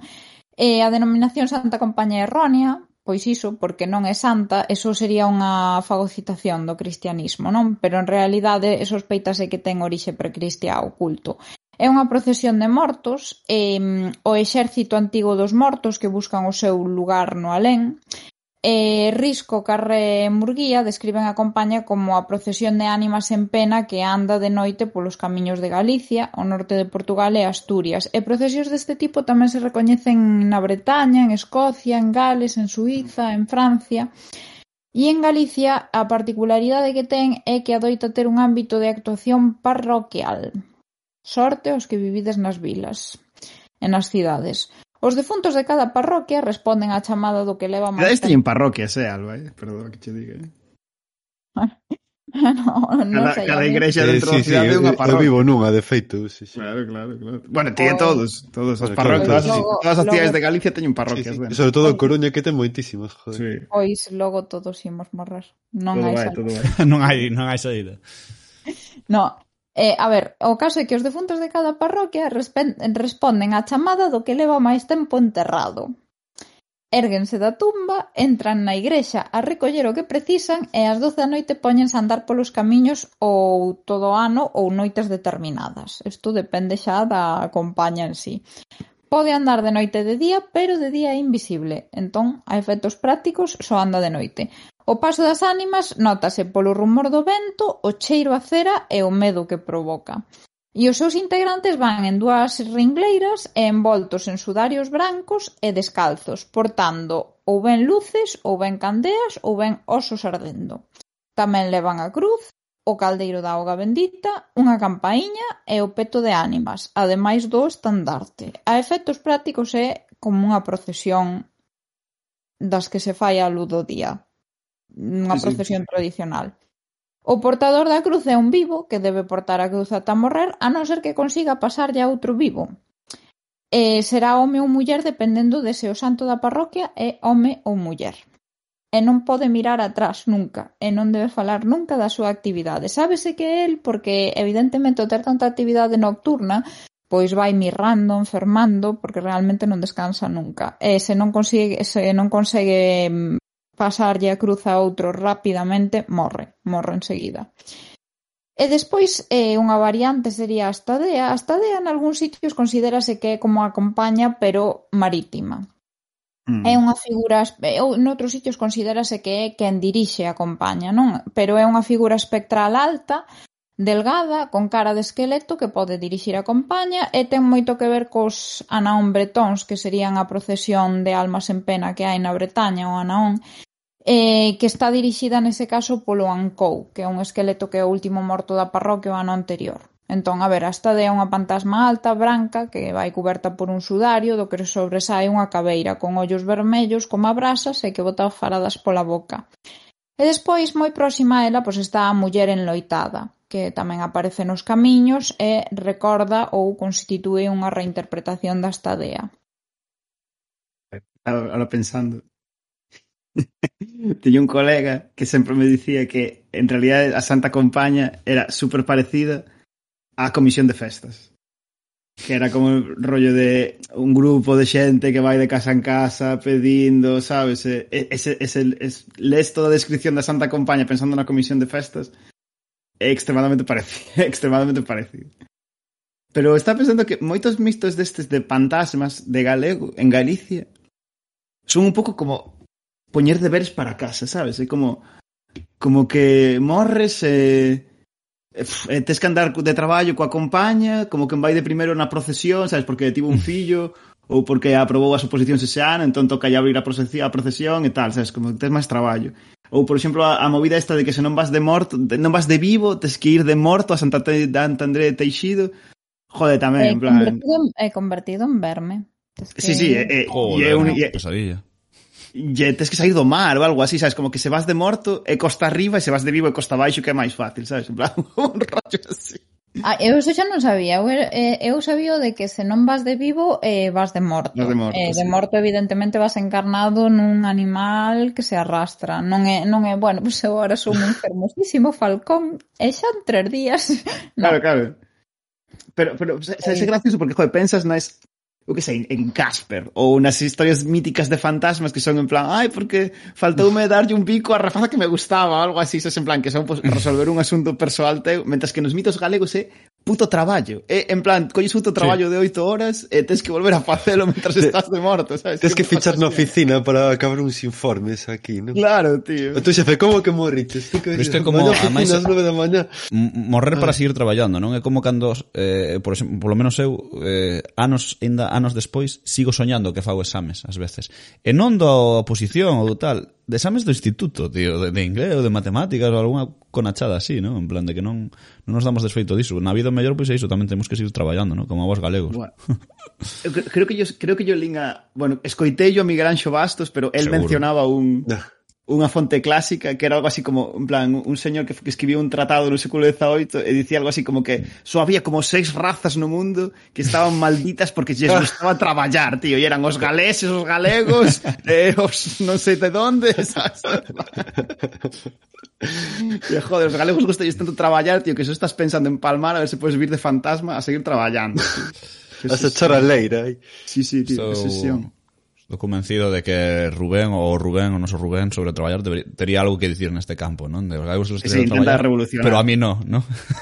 É contracultural nese sentido. A ver, as religións tamén falan da vida eterna no ceo tal, pero, joder, igual no ceo tamén tens que baixar a basura ou facer uns informes para un xefe ou algo, se xa non digo claro, nada. O, sea, o, teu, o, teu, o teu paraíso, Darío, pasa por rascar os huevos, non? Completamente, o sea, xa está, Home, non? Por suposto, por suposto. Claro, o sea, non... Ese non é o paraíso para todo o mundo, pregunto. Non se nota que eres de ferrar Ferrol, Dani.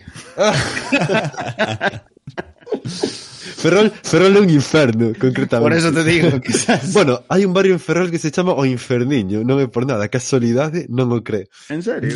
Bueno, en Santiago tamén estaba o Inferniño, ahora chamase de outra maneira, pero tamén había o Inferniño.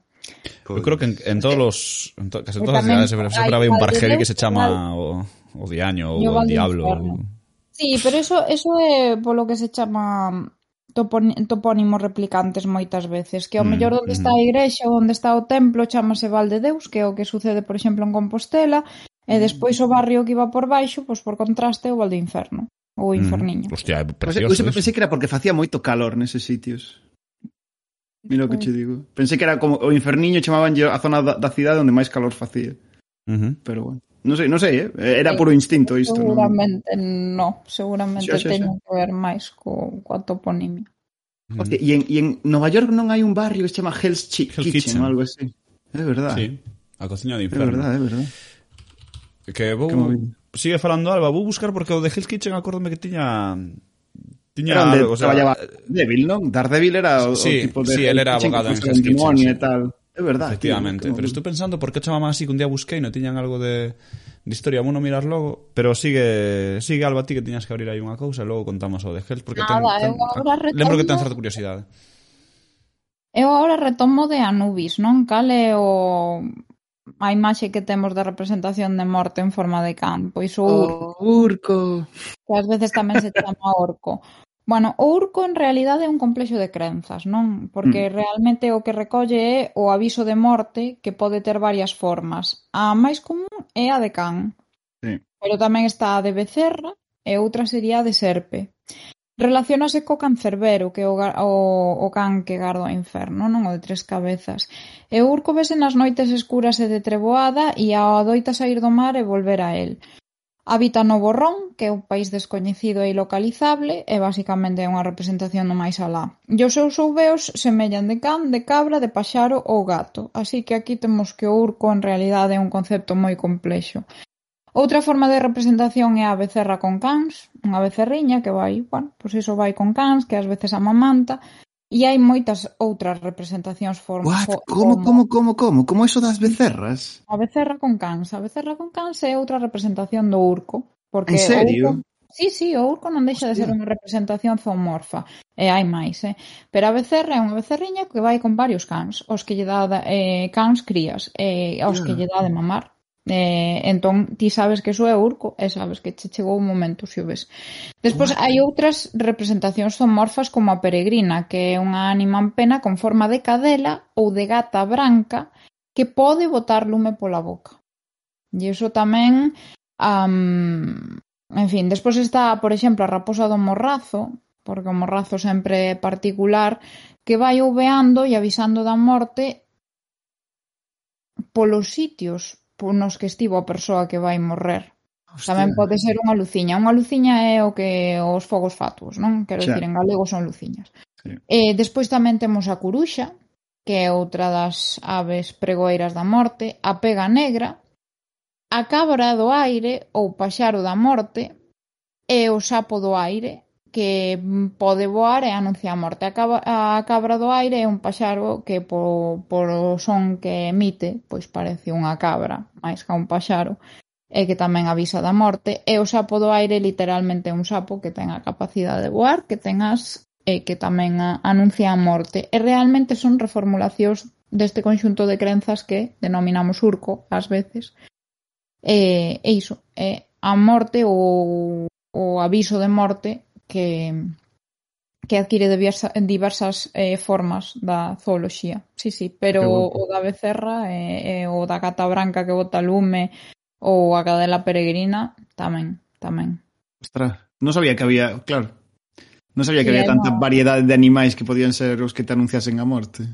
Sí, sí, a morte está en todas partes a espreita. é de coida.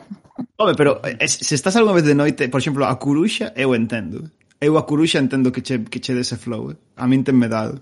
Xa, xa, xa, xa. A curuxa dá ese rollo. E se a ves, sabes, eh, desto que estás nun sitio, escoítala cantar, despois vela pasar, e parece unha aparición, parece unha fantasma, tío. Como vai branca e tal, é unha movida. O sea, é, é, é destas, é destas veces que, aínda que ti non estás, ou porque hoxe en día xa non estamos tan metidos como nesa cultura popular tan, o sea, es como onde onde todo está tan cargado de significado, sabes? A veces perdes as referencias e en cambio coa curuxa para min sigue sendo super fácil entender a liña, sabes? Porque, por mm. exemplo, para mí non, non entendo por que un can te, te anuncia a morte. Literal, de verdad que non. un can pois, pues, é un señor, un rapaz simpático que te espera en casa, sabes? Ah, pero eu creo que aquí eh, ten que ver co, co can salvaxe, non? Porque é un can que sae do mar, o can barra lobo. Xa. E aí sí que xa me ten máis sentido, non? Porque o lobo sí que un can salvaxe barra lobo como emisario da morte sí que me ten todo o sentido do, sí. do mundo, non? É unha cousa é, pois, eso. Xa, Outra como que se xa can porque é emisario, sabes? Non é un lobo directamente. Claro. Pode vir a andar ti e tal. Xa. Exactamente, ah, pero eu creo que entronca con esa idea de, no fondo, non é o can domesticado da casa que vai obedecer yeah. e que está ao teu servizo, é outra cousa. Non sei se se che ocurre algunha obra onde se emprego o, o urco en plan literario. Porque, claro, temos a mm. editora Urco e tal, pero... Mm. Pero non, non, non foi moi vizoso, eu creo. Non, non se empregou tanto, en realidade. Para min, mellor porque eu teño mm. moitas ideas, pero eu eu non recordo, non recordo de ler nada relacionado Con iso, que a mitoloxía galega en xeral non recordo que haxa aí unha vontade de explotación a parte da miña, así que para min yeah. mellor. No, porque da compañía, sí, Pero penso, por exemplo, en... Acompaña, joder, sí, no... porque... Sí. sí, porque normalmente, bueno, é moi usada, porque ademais eu creo que a compañía que se presta a todo, non? Eu recordo de obras de teatro nas que se nas que, que te mandaban ir cando estabas na escola, nas que se representaba a Santa Compaña e as ánimas. Eh, recordo usala sobre todo no teatro, non? Sí. Eh, Vidal Bolaño ten unha obra tamén. Sí. Sin esa liña eh, e, e Ollo de vidro, claro. No fondo, o Llevedo tamén vai un pouco de... Non exactamente da compañía, pero bueno, vai máis ou menos nesa liña. Pero eu creo que iso dá moito xogo porque dá xogo satírico, dá xogo, sí. pois iso, de crítica, de, de todo, de para facer humor, comicidade. Non sei se o Urco se presta a tanto. Xa. Non sei, temos hai traballo, chicos, hai traballo. Porque se un can que ven do mar, home, pois eu desde Lalín pois non me teño moito medo a urcos. Quero que vos diga. Atopaches Charlie, atopaches o de Hell Kitchen. Pois sí, sí, eh, ten como todo na vida, eh, hai un par de versións que podo ahora comentar así rapidamente, xa que falamos do inferno e da morte. Originalmente, a expresión Hell's Kitchen, non? Eh, referíase a un barrio marginal do sur de Londres.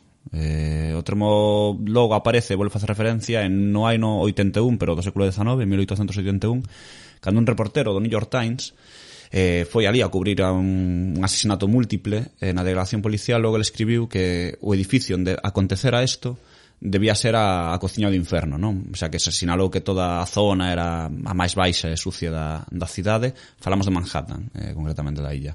Sí, sí. Tras este artículo, a sección da Rúa 39, que está entre as avenidas novena e décima, foi denominada de maneira desta maneira, non? Como Hell's Kitchen, eh, estendéndose a todo o barrio que se coñecemos. Outra versión Di o atribúe o nome original un restaurante alemán que existía na zona e cuyo nome era Hell's Kitchen tamén. Pero a versión máis común, polo que din por aquí, non, eh, nun artigo eh, da historia era eh, Dutch Fred de Cop, un policía veterano que traballaba como un, compa como un compañero novato tal, e ambos estaban, se, ambos os dous estaban observando unha pequena revolta na rúa 39, cerca desta décima avenida, non, coa que fai fronteira, A historia dicía que o, o rapaz, o novato, dixo que isto era o inferno. Pero o veterán, no, o policía así máis veterano, dixolle o inferno é un sitio templado, o mormo, máis ben traducido, este é a cociña do inferno. Entón, pois, quedou así, non? Parece pues, un pouco as dúas costas, as dúas versións ao final falan de sitio conflictivo, asasinatos, problemas, non? Entón, deixeno por aí. Por curiosidade, xa que estamos aquí, comentarvos que xente como Robert De Niro, Sylvester Stallone, Alicia Keys, a memoria non me falla tamén, Frank Miller, o autor wow. de... Claramente, ¿no? Sí, Frank Miller é de, é de Hell's Kitchen. De Hell's Kitchen. Eh, tamén hai películas moitas das películas que coñece mítica. Eh, eu creo que non, non ocorre aquí ao principio, pero sí que o Vito Corleone desembarca aquí. Pasou os primeiros anos Hostia. de en Hell's Kitchen, eh, Daredevil sí, tamén. Como, de mafias e tal. Sí, Daredevil, como dicíamos, estaba, pero tamén estaba Jessica Jones eh, neste, neste barrio. E eh, tamén, seguro, porque me acordo desta película sempre me marcou un pouco era Sleepers, a película do 96 destes rapaces que sen querer matan a, a un tipo e van a un reformatorio, abusan deles e tal, tamén eran de de Hell's Kitchen. Así que nada, un barrio mítico na cultura popular, non? Da, de Hollywood, sí, sí. O, da literatura, cómics, etc. Que, Exactamente. Que mira, era un barrio guai, pero non tiña unha gárgola. Non tiña unha gárgola co seu nome. Exactamente. Pois pues nada, eh, máis cousiñas por aí, non? Eh, que máis? O que queirades? falar, abrir... Darío, ti eh, querías falar de... Non falas un pouco do... Bueno, mencionaches, non? O de Terry Pratchett, pero non hai un pouco así... do da morte, dis. Sí, claro. Sí, a ver, eh, como falou Alba antes da, do da parca e tal, sí que é certo que Terry Pratchett a morte é como o único personaxe que saen todos os libros, non? Creo que só eh, sai... Hai un en concreto, non? Que non sai, creo. Pero no resto saen todos. En todos, en todos, todos. Eh, eh? Eu creo que é o único personaxe que saen todos os libros. Que sí. guai. En plan, ainda que sexa testimonial. Pero si sí, eh, é, é bastante curioso. Eh, e logo o tema de que fala sempre en letras mayúsculas, sí. que ten que ten un gatiño, non?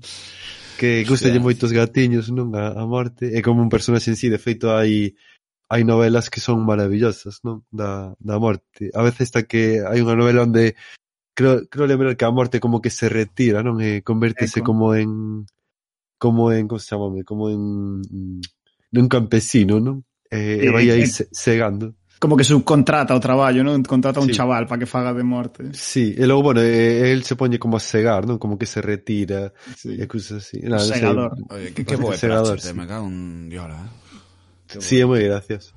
Eh, bueno, logo non sei se queredes abrir o melón do, da morte na ciencia ficción, que aquí falamos todo de mitoloxía e tal, pero non falamos de, de ciencia a ver, eh, ficción. Eu, eu aquí de, de ciencia ficción tiña apuntada unha serie que vin este, este, este verán e que me pareceu interesante, sobre todo polas ideas. O que a serie non me parece tan boa, pero non sí. sei se coñeces a serie de Upload. Sí, claro. Que é dos tipos que fixeron The Office. Mm. Eu sei cale, pero non a teño pendente en, por ver por temática. Por, por resumir, basicamente, é como unha especie de futuro onde eh, podes meter toda a túa conciencia nun USB, por decirlo uh -huh. así, eh, cárgante como en realidades eh, de, de hmm. realidades Después, simuladas, non? Entón sí. podes vivir eternamente nesas realidades simuladas. Hmm. E a idea é interesante, pero teño a sensación de que pasa un pouco como a case todas as series norteamericanas da última época que están tan obsesionadas como cos tropos da desigualdade que acaban convertindo todas as historias de ciencia ficción na mesma historia de ah, eh, non sei, de distopía de baixo grado estadounidense, non vai no fondo porque claro, no fondo vai de que só a xente que é moi rica pode permitirse boas realidades alternativas, o sea, boas realidades virtuais, mentras que os pobres pois pues, se teñen que joder. Uh -huh. E a solución pasa por ou por luditas que odian directamente a tecnoloxía ou polo protagonista co que tites que apoiar que quere facer como unha solución de PSOE, sabes, de ajudar as clases de medias a que tamén poidan ter a súa realidade alternativa máis ou menos agradable, non? A ver, sí, é que a min, a ver, a min o concepto da serie gusta eh, porque claro, ti por exemplo ves o, o que pasa en Black Mirror co de San Junipero, non? Sí. É como todo así moi bonito, non? E non se fan certas preguntas que que, bueno, que se pode facer. E, e aquí realmente pois pues, é como sería na realidade pois existir a isto, non? Eu creo que máis que máis que ser algo distópico sería o que a, sería a realidade agora, porque que ah, agora a, tamén realidade pode ser distópica. Son, xa claro, pero pero claro, xa, a realidade xa é suficiente distopa, distópica da abondo a día de hoxe, pero non sei, o meu concepto moloume. Pero eso, como unha volta de... A ver, realmente é un concepto que xa se tirou moitas... Moi, xa se tratou en moitos sitios, non? Por exemplo, en San Junípero de Black Mirror, como comentábamos e tal. E logo o tema de... Bueno, non se toca como morte, pero si sí o tema de Matrix, non? En todo o rollo, non? Que, bueno, ao fin acaba a caverna de Platón, non? O, Sí. De feito, era, era, recordaba aquela frase de, de Matrix, de a primeiro Matrix que fixemos non funcionaba porque era demasiado sí. perfecto, non? De verdade, de verdade. Ten que ser un pouco mie la mierda todo para que a xente o crea, de verdade. sí. Eh, joder, logo o tema de Black Mirror, xa que falamos do tema de San Junípero, da concepción da morte eh, como vida eterna da morte, pero simulada, non? Cando, non sei se o episodio no que está unha, unha tipo, o sea, unha, unha chica que lle morre o mozo, non? E eh, que logo ela sí. como que merca un mozo que é igual que el, pero non exactamente igual, non? É un pouco como que estás recordando o teu mozo é o, o a lembranza o teu mozo que che che leva a facelo ou se realmente pode sustituir a unha persoa que morre por unha simulación dela, non? Entón está bastante guai ese, ese sí. rollo. Sí, porque no fondo penso, por exemplo, en Upload ou en San Junipero non se plantea, o sea, parte da premisa da que tecnoloxía é perfecta, non? Sí. Parte da premisa de que poden recoller exactamente todas as túas memorias e, e ti eres como un clon exacto. Mentres que, joder, en case todas as tecnoloxías que nos temos hai eh, un montón de épocas de grises. Quiero dicir, sí. non funciona todo perfecto en canto inventas. Entón, canto tempo estaríamos dispostos a vivir como xeracións de peña que supostamente hmm. está vivindo a vida eterna, pero hmm. eh, na versión do primeiro internet, sabes? Na versión de Terra, sabes? De esa vida, de esa vida eterna. De IRC, pues. non? Claro, en plan, de todas uf, formas, no sé. de todas formas científicamente, eu creo que isto xa o tratara Quantum Fracture nun vídeo, ti realmente non podes duplicar a túa conciencia, sería que morreras ti, sería unha copia de ti, non serías Exacto. ti realmente, non? Por lo menos sí, ese é o rollo do, das, da teletransportación, que en realidad é, tens que palmar para palmar, poder... Palmar, desfacerte para logo volver, non? Tamén xogan con esa eh, con esa idea de eh, el truco final, non? É como chama, é pre, de prestige, non? É o prestixio. Sí. De que realmente non sabes se vas a acabar na caixa, non? Cando fas o truco ou vas ser tío duplicado, non? Que sale noutro, mm. noutro sitio.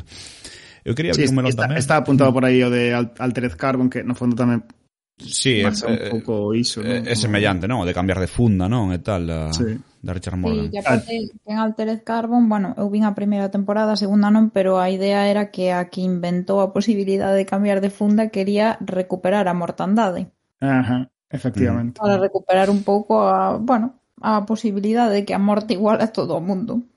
Mm. Claro, pero ves, esto, por exemplo, en Outlook mencionas, sabes, pero como que non se resolve, por lo menos para, para o meu gusto non se resolve moi ben, porque en todas, sempre que se dan estas especie de discusións teóricas nas, nesta serie, sempre entre como que como se as, as dúas versións fosen extremos, en plan, por un lado, os que queren jauja e ala, me, me meto aquí en nos corpos de xente de 20 anos cada vez, ou na versión de Upload, pues, vivo en nesta especie de paraíso virtual para xente ultra rica, E o que tes enfrente son eh, luditas que se pintan como putos locos, en plan, como a xente que agora querería destrozar os ordenadores, sabes, en plan. Que evidentemente non é unha posición razonable e parece que, ah, bueno, utilizas un pouco a teoría do contrario para intentar xustificar a túa postura. Non sei se me estou explicando. Uh -huh. Sabes? En plan, ai, que os, os que querían destruir esta tecnoloxía son uns putos zumbaos, sabes? Eh, joder, non? Igual de, verdadeiramente tería sentido renunciar a determinadas tecnoloxías simplemente porque non nos parecen útiles, sabes? sen, sen ter que por que poñer en tela de juicio toda a nosa tecnoloxía e convertirnos en Amish, en Amish sabes? Mm. Eu quería... quería abrir un pequeno melón tamén. Aí estamos eh, escoitando atentamente. Non sei, sí, sí, sei. Sempre. Acabéis, se, sentín que desaltei o do sermón. No, non, pero sempre tamén hai un, sempre digo, tamén hai unha latencia un retardo entre que un acaba e volves a contestarlle a alguén e sempre hai como segundos de de madeira silenciosa aí. De todas formas, eh, quería tamén aportar por aquí unha cousa, porque vin que estaba apuntado Death Note e tal. Bueno, sí. eh, quería, máis alá, logo se queremos falamos de Death Note, eh, o que queira salva ou o que sexa. Pero acordarme, acordarme disto porque... Um, vou poñer un exemplo de dúas obras onde, a parte da morte, falan da morte a máis de outro ser humán ou que matar a un ser humano ten un castigo, non? Inevitable, o sea, provoca algo no resto da humanidade ou, ou provoca algo extraño que se pode sentir. A primeira é Death Note, non, onde falan de que calquera que uso Death Note eh, acabará morrendo inevitablemente, pero non irá nin o ceo nin inferno, non? O sea, ten unha especie de, de castigo por aí que non sabemos cal é, nunca, nunca se explica na, na, na propia serie ou manga. E logo tamén, non, pero ao final castiga, non? A idea de que un ser humano mate a outro ser humano, non? En plan, parece unha especie de de, de rito que non se debería facer ou polo menos está penado. E logo tamén acordeime de Minority Report, Minority Report mm, falando de ciencia ficción, non? Que é unha película onde, bueno, supoño que a coñecedes, non o sei, pero vamos dicir que hai como tres rapaces que están aí nun, nun hospital, bueno, nun, nunha zona e perciben a xente cando asesina a outra, non? Poden velo, anticipanse a isto. Porque, según explican, nun momento da serie, a un asesinato, a morte dun ser humano, a máis dun ser humano, provoca unha onda mental, vamos, bla, bla, bla, entón podemos, esta xente pode velo no futuro, non? E xogase co libre albedrío e todo isto, non? Pero facíame gracia, gracia, perdón, esa idea, non? De que matar, non? Sobre todo un ser humano, e así moitas religións xogaron con iso, no? con, con un dos, das cousas que se penaliza en matar a outra persoa, mm. non a outro ser vivo ou a outro tal, non? E aquí supoño que entra o que falábamos antes da conciencia e alma, non? Se de que matar algo con alma ou con conciencia é o que realmente está perseguido ou o que nos corroe por dentro, non? De que a morte dun ser humano a máis doutro ou é terrible, non? A, a todos os niveis.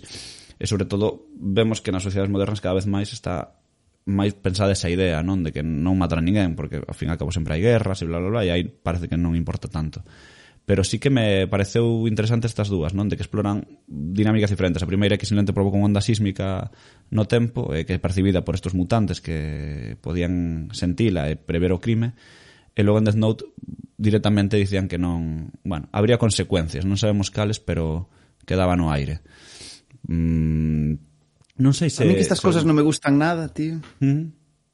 Porque parece ah, ah. como, como se fose como intentar eh, escribir nas reglas da física da física mm. do universo a Declaración Universal dos Derechos del Hombre. Sabes, en plan, sí, como se os sí, dereitos sí, humanos sí. fosen unha cousa sí. física. Eh. Sí. en, non, non me gusta, tío. É como cando nas pelis eh, un, Sabes, como na pelista de Nolan que de repente o amor é a solución para poder, sabes? Sí, sí, sí, sí, sí. No, no me, no me, a sí, mí non sí, me sí, cuadra, sí. non me, non me gusta, tío, dame unha solución un pouco chisti, sabes? Bebe, bebe da teoría esta, non, non, non bebe da teoría, pero podemos relacionarlo, non? Tamén cando se buscan puntos biolóxicos ás cousas metafísicas, non? Como, por exemplo, o peso da alma, non? Dos 21 gramos famosos, non? Do experimento aquel que determinou, non? O viña determinar que a, as nosas almas pesan aproximadamente 21 Mm. gramos, non? Que era o que estaba medido, e que bla, bla, bla, evidentemente nunca non, non, non, non se demostrou exactamente, non, polo menos non, non exactamente con método científico, os métodos científicos. Non se demostrou, estás nos dicindo Charlie que non, se demostrou no, que o que se demostrou, no, aquilo que decía era un peso que había unha diferencia de peso eh, de, de verdade nun cadáver ou nun corpo vivo a un corpo morto nesa mesma persoa era de 21 gramos aproximadamente. Claro, moitos científicos dicían, no, pero ese é un peso residual que podía ser provocado polas propias pulsacións do corpo ou a carga os eléctrica. Peidos. O que, o, o que, os, o que queiras. Escollo tamén o metano do corpo. O metano. o, o que queiras, tío. Que, madre mía. Pero, pero se, eh, eh, se, se a premisa da tua historia, vale, pero cando é a solución a mí me parece Mm. moi cutre estas cousas, sabes? Sabes o que te quero dicir a mí, por exemplo, 21 gramos como película non me parece mala premisa de película, sabes? Ujú. Pareceme guai. Pero mm. se esa é a solución que te sacas no terceiro acto para resolver o problema, no. Sobre todo cando é inece... e, eh, eh, e logo falaremos un pouco da, da morte, eh, dos problemas que ten un pouco de desus máquina, non? De ou non morrer ou non poder morrer ou que non importa, non? Nunha historia que, que cando, cando todo xira alrededor diso, que logo sei que tes apuntado por aí unha certa serie da nosa infancia. Veña, saca, sacao, sacao xa. No, logo, logo, no, logo, falamos, logo falamos, xa, Charlie. Logo, logo falamos, logo falamos, pero que tal, pero o que quero dicir é verdade o que ti diste, cando é o final así é innecesario. Na de Nolan era interestelar, na que viaxaba sí. porque elixir aquel planeta que era, non, polo amor, porque nos guía. Mm. Cando era totalmente innecesario, era en plan, a ver, que dices? por que? Por que agora de repente esta mierda? Es científica, estamos aí pola ciencia, non, non por ciencia infusa, non? Era super forzado, na te... criticárselle bastante, creo, no seu día, non? A, esa, esa revelación no medio da película de es que el amor, Murph, en plan, a ver, tranquilo, non? Sí, sí. Que ninguén está en contra do amor aquí, eh, xente. Claro, claro, no, to, to, to, profundamente románticos, pero joder, en plan de, a ver, igual demasiado Deus es máquina, ¿no? Como de repente para pa sacar, no, es que el amor sí, sí. todo lo todo lo puede, ¿no? Hombre, sí, pero a ver, acougo un pouco. O sea, non igual a decisión da humanidade é máis importante, non? Que elixir un planeta ou outro non debería estar supeditada igual que creo que ali estaríamos mellor, non? La tengo gordísima. Bueno, a ver, hai unha película que está moi guai que tamén trata o tema da morte, aínda que se xa dunha perspectiva global, que a de Fillos dos Homes, non sei se sabiche sí, que sí, sí, sí, moi está guapo. bastante guapo o rollo de que claro, que de repente a xente non se pode reproducir. Uh -huh. Está, está moi guai.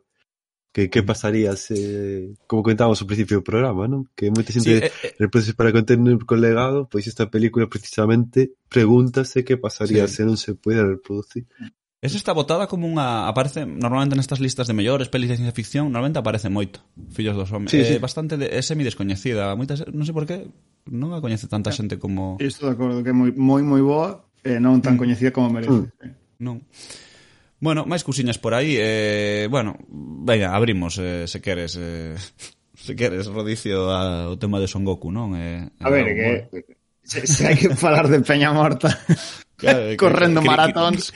Krilin, ¿cómo, no ¿no? vamos... Eh, ¿cómo no vamos falar de Krilin? ¿Cómo no vamos falar de, de, de bueno, de todos nesa serie, da igual.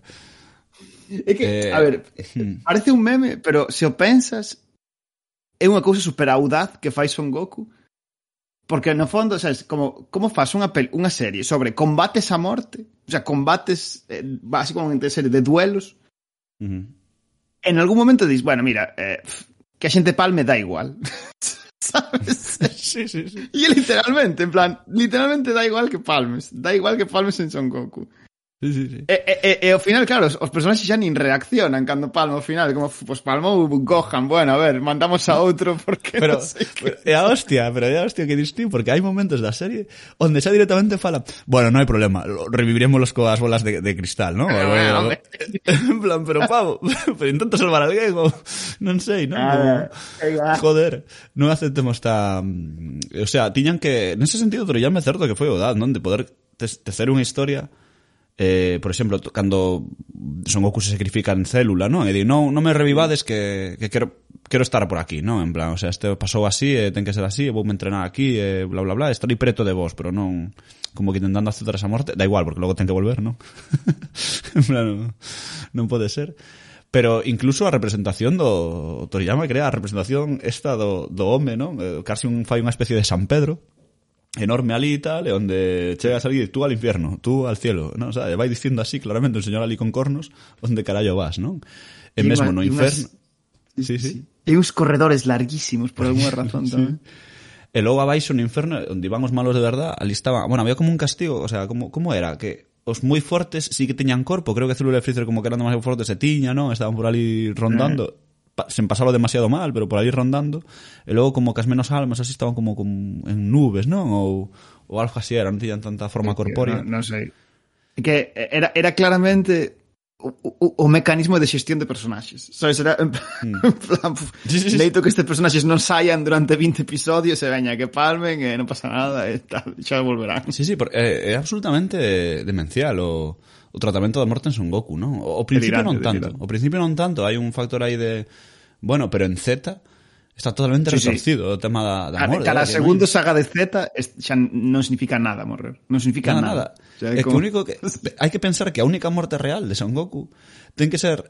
No, eh, o sea, é planteada a través da de Z a 6, non? De, é un cíbor, este non o podemos revivir, en plan, é un puto ordenador, sabes? Claro, verdad, claro, claro, claro, é a morte que lle dá a Son Goku perdón, a, a Songoanda a, a tolemia absoluta, ¿no? De, de tal. Pero é un puto ordenador, ¿verdad? En ese momento está sacando do, o C16 ali, o Cyborg tal, pero ten que cargarse un robot porque claro, que se matamos a Krillin, bah, malo será que non que non o revivamos, non? Coas, coas bolas de dragón. Krillin é unha picadora de carne, tío. Eh, eh, es que Krillin, bueno, indo, ti, ti non sabes a cantidad de hostias que atrapa Krilin, eh? Porque ainda outro día estaba vendo, me sal, saltou en YouTube contra un destes da patrulla de Freezer, un Mindungni, ¿no? como que lle mete unha, unha patada e dice, ah, e queda Krilin no suelo, ai, rompeme todos os osos do corpo. e Krilin aí no suelo, feito mierda por unha patada, sabes? Dices, wow, por que viaxas? Por que estás con esta xente? Por que sigues querendo que, che, que sabes que... Porque morrer da igual, tío, claro. é, é, que, hostia, é que esa claro, cousa, sí. Krilin pode seguir indo con eles porque morrer da igual. E, e joder, ao final, é a xente que está tendo as aventuras máis guapas de todo o universo, sí. sabes? En plan, pues claro que sigues sigue con eles e mantes esa relación, porque total morrer da igual. igual. Es que da absolutamente eh, igual Son Goku. Y esa, y esa movida, ¿sabes? Es que esa movida que ten guapa Son Goku, que como entende, entendes a sí mismo tan claramente como Shonen, onde o único mm. que importa son esas, as escaladas de poder cara arriba, que a morte no fondo é un lastre para o que está guapo da serie. Entón, pues, hai que conseguir que dé igual. E, con, mm. e, con, eh, e, e sudan deso, sabes? Porque o importante son as escaladas de poder.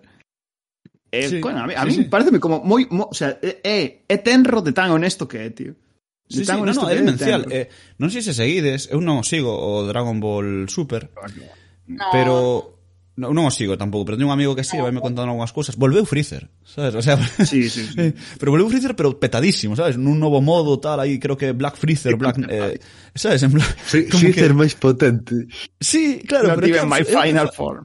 Eu, claro, exacto, é que esa gracia, creo que o bo de Dragon Ball o da Toriyama será é que creo que sabe rirse de si sí mesmo, é decir, é que non pasa nada, non pasa absolutamente nada, en plan, non quero que teña sentido dramático nin nada. Aquí o dramatismo é ver que é a seguinte transformación. Quero dicir, exacto, exacto. Eh, cousa que One, One Piece, por exemplo, vai disto, pero sí que lle intenta meter ese trasfondo dramático, os personaxes morren, mm. hai certas cousas que poden pasar e tal. Naruto o mesmo, non? Eh, Naruto sí, ten sí, bastante sí. máis drama que, que todas estas. Pero, pero Dragon Ball é que que me da igual. ¿Sabes? El que el meme de, me da igual, pues es que es lo mismo, ¿eh? que diga, ah, da igual, morremos todo, no pasa nada, va a ir alguén que nos reviva. Sí, sí, ese sí, non, ese non, da igual, estamos ali no ceo, adestrando, por, eh, por, seguimos. Por, por eso creo que sigue, sabes, esa, esa é a razón por la que Dragon Ball aguanta to todas as décadas, porque é como a versión máis pura do seu xénero, sabes? Eh, o shonen claramente máis puro, onde sudan de todo o que non é estrictamente a escalada de poder.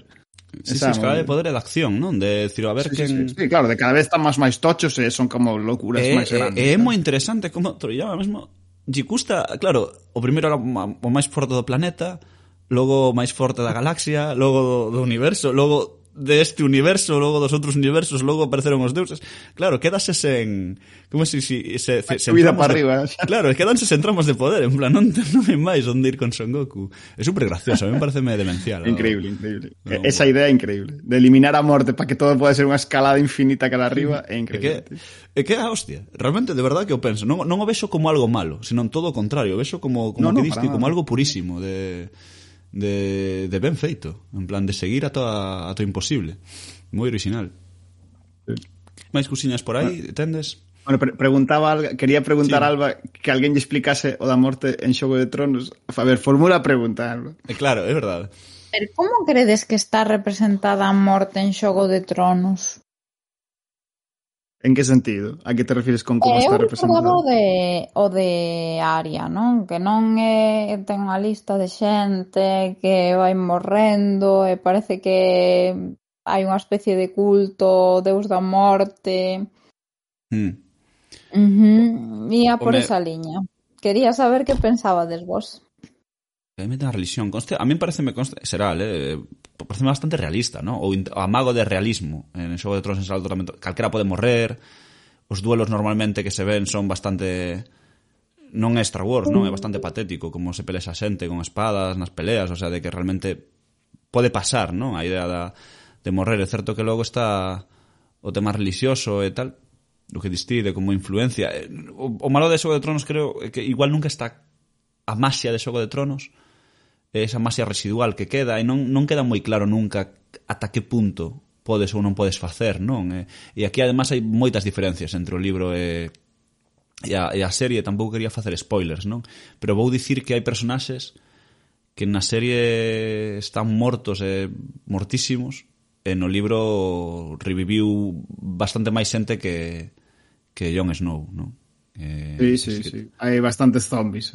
Exacta, exactamente, non? E, eh, esa diferencia, que, non sei se nos libros explicarán máis o tema do, como se chama, o Deus do Lume, non? O, sí. Chama, sí. É di complicada. A morte, o que, mira, se vou poñer é un pouco complicada a morte en Xogo de Tronos, porque non queda mesmo os poderes de Daenerys, non? Cando incendiaban a casa e... Eh, ela sale dali viva, non? Porque o lume, o lume non lle afecta, temos que entender que o lume non lle afecta, Eh, extra a máis en Xogo de Tronos e a súa relación coa morte por, por ende é un pouco complexa, mm. creo. Sí, é verdade, Daenerys ten o punto crístico xa dende ese momento de sí, mm, total, resucitar, claro. non, sabes, do principio, sabes. Uh -huh. Pero Exacto. E, e, ten unha, sí que é interesante a morte en Xogo de Tronos dende a perspectiva, eu creo, de de xénero, non sabes, de de que tivo ese punto o que comentabas, non, de ah, cal, calquera pode morrer en calquera momento, E, en, e como que incluso a, a costa dos arcos de personaxe podemos matar algún personaxe en algún momento que ti non te esperaba porque temos moitos, non? É unha, é unha novela tan coral que hai un montón de personaxes e algúns van, van morrer en momentos sorpresivos, non? Eh, bueno, todos, creo que xa non é spoiler decir que Ned Stark palma, non? No. Eh, ese momento é como moi loco porque ti pensarías que a su, que o seu arco de personaxe non estaba acabado. Pero aínda que visto en perspectiva non era tanto, pero no momento si sí era moi chocante. Pero de, despois a nivel temático eu creo que se fai algunhas cousas un pouco, por exemplo, o que comentaba Alba do, da, do, do Deus da Morte de Arya, a mí non me convence moito como está trabatado temáticamente, sabes? Uh -huh. Hmm. Non sei. Sí, sí, sí, eh, sí, Quizá. Eu sempre digo, espero aos libros de, de George se algún día se explica algo disto ou, ou amplía, sabes? Eu recoñezo que na serie o de Arya todo isto... Eh, Eh, claro, o que falamos sempre, un pouco a correr todo o que pasa, non nesa serie nas últimas tres tempadas, máis ou menos, dúas, quizáis. Eh, bueno, falaches de de Ned Stark, eh, Sian Ben, non? Eh, o, o ah, auto, que non é broma. O, 23 veces eh, que, se, que, que, vemos, que vimos morrer a Sian Ben en pantalla. É absurdo. É absurdo que alguén morra tanto en pantalla, ¿no? Entende que se lle dá ben morrer, eh, e xa está, non? Pero pero Deus, bendito, non? Eh, en que non son de... son mortes, eh? son mortes moi épicas, eh? porque moi Ned épica, Stark, claro. A morte de Boromir está guapísima. Eh, exacto, decir, exacto. Non, non, pero increíble. moitas dela, hai algún vídeo por aí que podes ver en YouTube de mortes de Sian Ben. E moitas delas son como moi jodidas, rollo. Hai unha, por exemplo, non me acordo da película, pero que caía por un cantil con vacas, non? En vestido, eh? hostia, ya, hostia. Pero, pero por poñermos, eh, eu que sei, hai mil pelis, eh, que de verdad, hai 23 pelis a tiña por aquí comentadas, pero eso, teña por exemplo, a Illa, non? Esa película que fai con, con Iwan McGregor e... Eh, Scarlett Johansson? Scarlett Johansson. Sí.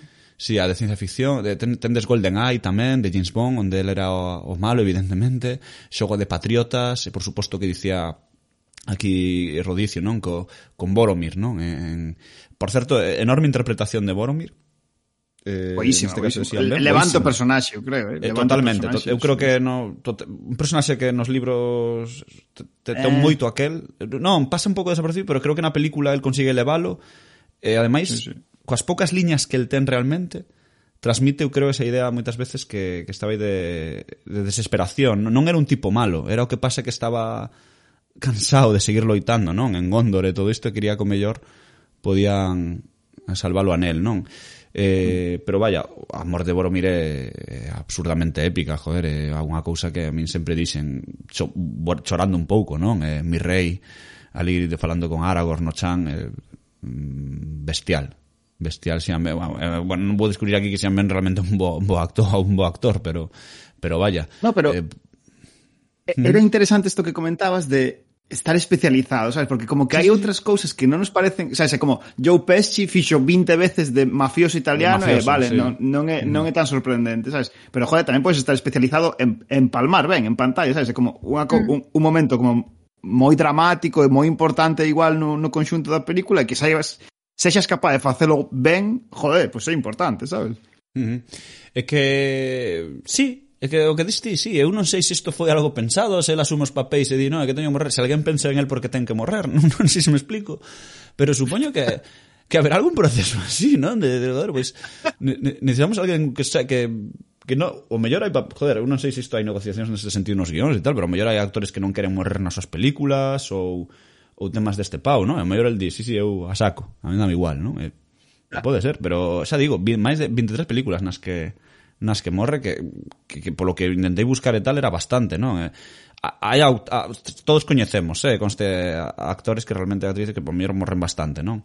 En temas destas películas de acción, pero mellor eran actores menores, quero dicir, son secundarios, claro, mellor claro. o típico de Non son Seagal. o prota, non é o prota claro. palmando, sabes? Exacto, exactamente, non? Son en Steven Seagal os especialistas todos morrían 40.000 veces, non? Gravaban 20 pelis ao ano e claro, morrían todas, non?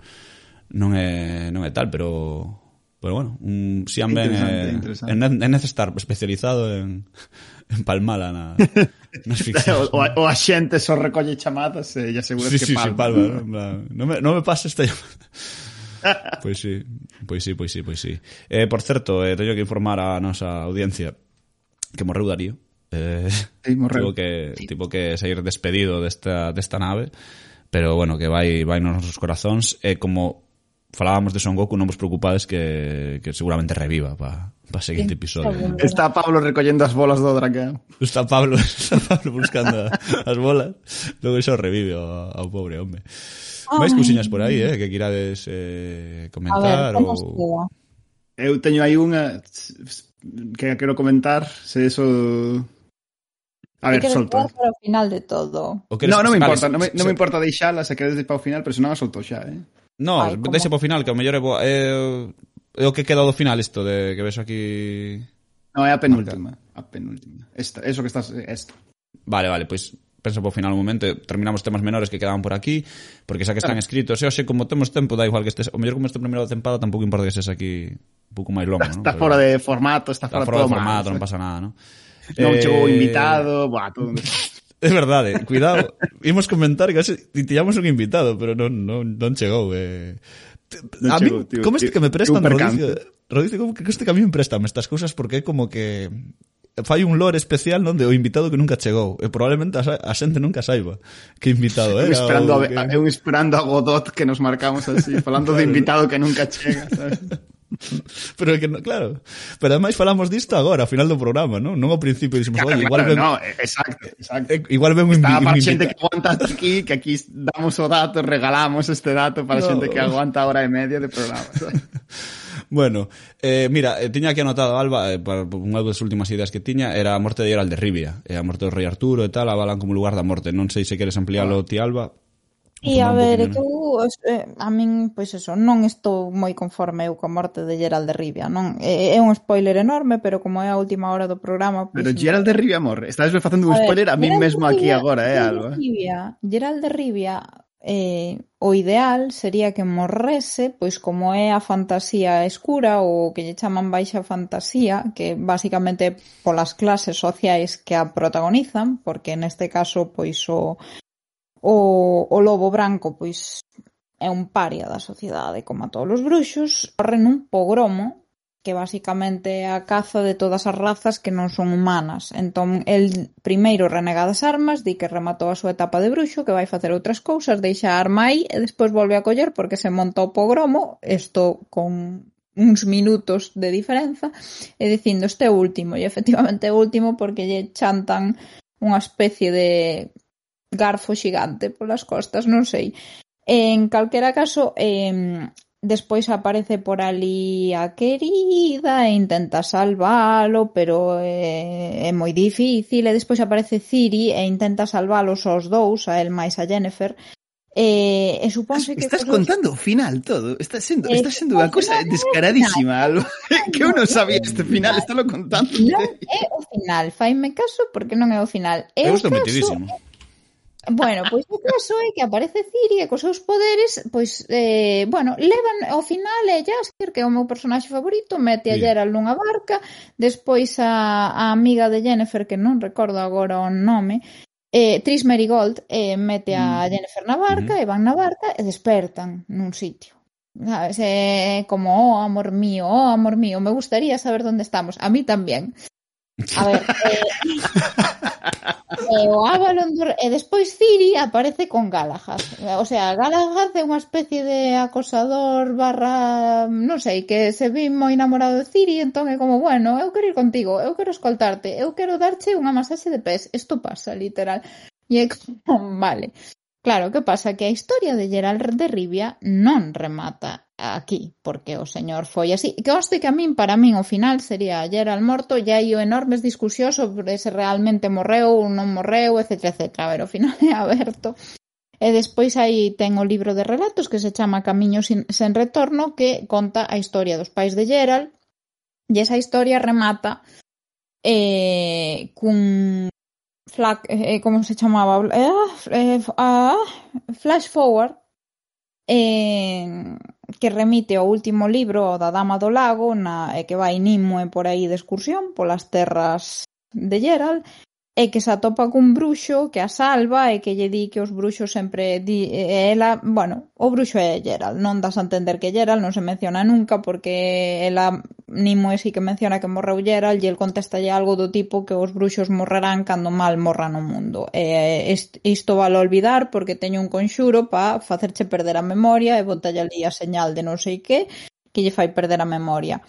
Despois, a ver, nese libro tamén se conta a boda de Jennifer e Gerald, o sea, el deixou finais para que todo o mundo quedase a gusto, pero deixou final aberto, na miña opinión, é mala idea, na miña opinión, hai que ser valentes e saber facer tal, pero bueno, tamén entendo que non vas coller, e a máquina dos cartos cortal, etc, etc. Entón, bueno, eh, basicamente é unha recreación da morte do rei Arturo, descarada, desde o meu punto de vista, de vai para Avalon e cando xa o mundo volva a necesitar, virá. Wow. Eh, ya, sí. Pois, pois xa sabedes. Entón é a morte non morte, non é tan descarado como en Son Goku, pero ven sendo a morte non morte. Uh -huh. Oye, pues non, nunca pensara, pero é verdad que Son Goku é un rollo Arturo ou rollos Don Sebastián, sabes? En plan, a promesa do Salvador que está morto, pero bueno, que se fai falla non está morto, sabes? Uh -huh. Ostras, pues nunca pensara que Son Goku é, Ar o rei Arturo, tío. Eh, si, sí, é o mito da parusía, é eh, a parusía, non? O que se chama o Salvador, sí, guai, eh. Salvador. Pero, eh, bueno, é herdada xa, pois eso, do mito de Prometeo, do mito do de Xesucristo, é unha refeitura, non? Xesucristo. Sí, no, o tema, é, é certo, claro, ao final artúrico, claro, é certo que o tema Jesús Son Goku sí que se fixo moita broma, non? Con é meme mesmo, con o tema relación Jesucristo Son Goku. Ai, sí. O Jesucristo Son Goku, sí, pero con Don Rei Arturo pero, Son sí, Goku. Sí, nunca, claro, nese sentido, é verdade, moi interesante. Bueno, é Son Goku iba... o verdadeiro rei de Inglaterra? e agora e agora que Ah, porque o rei Arturo é como que é o verdadeiro rei de Inglaterra en todo o tempo, o sabes que toda a xente que está de rei están como un pouco cantando e o asiento ao rei o Arturo. A, a tal. Claro, que agora morreu a raíña, pero en realidad, sabes, tampouco era a raíña, a raíña. Uh -huh. Bueno, dalle ti entón hasta hasta última ou penúltima, non? Como poderíamos decir, idea. A ver, eh, confiade que isto vai chegar a algún sitio, por favor. Eh, o sea, sí. confiade en min. a ver, a movida é parte, o sea, moitas veces a, a obra, porque quero falar un pouco de Kafka, vale? E moitas veces a obra de Kafka defínense como unha especie de infernos burocráticos ou infernos en vida, porque hai moitas das historias kafkianas ou prototípicamente kafkianas nas que os personaxes acaban como eh, atrapados en, en realidades que parecen máis ou menos son máis ou menos parecidas ás, ás realidades cotiáns, pero de repente son realidades moito máis opresivas e cunhas reglas que non son as normais.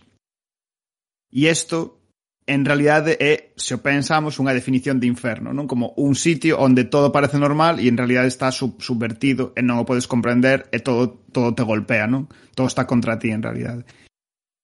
E eh, en moitas obras Kafka reflexiona sobre esta idea, non pensamos sobre a metamorfose de alguna maneira, e en moitas ocasións reflexiona sobre isto a través do proceso burocrático, non? A idea de entrar eh, nun edificio do, do goberno do Estado e eh, de repente ali as reglas do universo de fora non se aplican e ti non entendes nada, o peso da lei te golpea, o peso do Estado te golpea de maneiras que non comprendes eh, e no fondo eso é como o inferno. Penso que se ve moi ben, por exemplo, no episodio este de eh, da peli de Asterix Obelis das, das 12 probas onde están como encerrados nun edificio gubernamental onde tamén é como se estivesen no inferno, sabes? Como se estivesen atrapados nun sitio do que non poden sair e que é infernal, non? Vale. Eu penso que unha representación boísima desta idea de kafkiana do inferno vese na representación do inferno en Hora de Aventuras, que non sei se recordades, non se chama inferno como tal, pero é claramente o inferno, chamase a Noite Esfera ou algo así, que é onde vive o pai de Marcelín. Lle moi guapa a idea de, de Hora de Aventuras para representar esta idea de inferno burocrático, porque Jake que fin teñen que ir a, a Night Sphere a unha cousa e para chegar hai unha cola xigantesca onde ten, están facendo cola todos os demos do universo e están todos agardando a, a que sea o seu turno. E, e ao final, o que é horripilante desa escena non é tanto que esteas no inferno, senón que é estás nunha puta cola que non avanza rodeado de peña, agobiado porque eso non, fun non funciona nin, va nin vai adiante, sabes? A idea de que o inferno é unha sala de espera infinita na que nunca che toca. E me parece unha idea guapísima de representar o inferno. E ademais, eh, relacionar esta idea de, do inferno de Hora de Aventuras coa idea do inferno kafkiano sirve para engadir un elemento máis a isto que eu inicialmente non o pensara, non? Porque Te, a nivel temático, eu creo que a influencia de Aventuras é Kafka. A nivel visual, claramente os inferno, o inferno de Hora de Aventuras está baseado na eh, nas pinturas de, do, do bosco do Xardín das Delicias, non sei se coñecedes, que ten como o tríptico este onde está o purgatorio, o inferno e o paraíso. Correcto. E tamén... Perdón? Correcto, sí, sí. Sí, ¿no? E tamén un dos discípulos de, do Bosco, bueno, ou da escola do Bosco, que é Peter Bruegel, que tamén ten unhas pinturas como moi terroríficas, como de plagas e de infer infernal, basicamente, non? E claramente ese, ese especie de de referente visual o que se empregan de aventuras para recrear o inferno. Pero é unha movida porque se o pensas, joder, esa representación medieval do inferno tamén é vagamente kafkiana, o sea, é como que para min pechase o círculo e ese é o referente de Kafka para pensar o inferno, sabes? Porque é como que uh -huh. joder, eu recordo ir ao Prado a ver ao, ao Xardín das Delicias e ao mesmo tempo parecía unha puta locura, en plan, que estou vendo, que está pasando aquí? E ao mesmo tempo dá, te esa sensación de que hai unha lógica que non acabas de comprender, sabes? En plan, que non están pasando cousas mm. aleatorias, que non é como a ida de olla dun señor que dibuxou a primeira cosa que se pasou pola cabeza, senón que ten que existir un sistema so que ti non o entendes e está como fora de ti, sabes? Mm. Ten un aspecto e esa de fractal, idea de... non? Ao mellor non é unha figura xeométrica, pero parece, parece que a vemos como con moito sentido. Exacto, exacto, sabes? Esa, esa idea de aquí hai, hai unha lógica, sabes, todo aquí está pasando por algunha razón, só que eu non a comprendo e por eso se, hai, se a intento individualizar son un apartado en concreto é unha locura que non ten nin pés nin cabeza, pero se o ves en conxunto, ti entendes que eso é o puto inferno, sabes? E, eh, joder, en xeral a arte medieval como que transmite moito esta esta vibe, sabes, esta idea de barroco, mm. barro, barroco por acumulación de cousas locas, sabes? E pensaba, por exemplo, nas en, en Galicia moitas veces nas, nos mosteiros e nas igrexas a parte onde os canteiros se deixaban un pouco levar, que era para facer as gárgolas, son cousas rarísimas, loquísimas, que non teñen nada de lógica, son como pezas de animais xuntas unhas encima de outras ou representacións moi raras de actividades.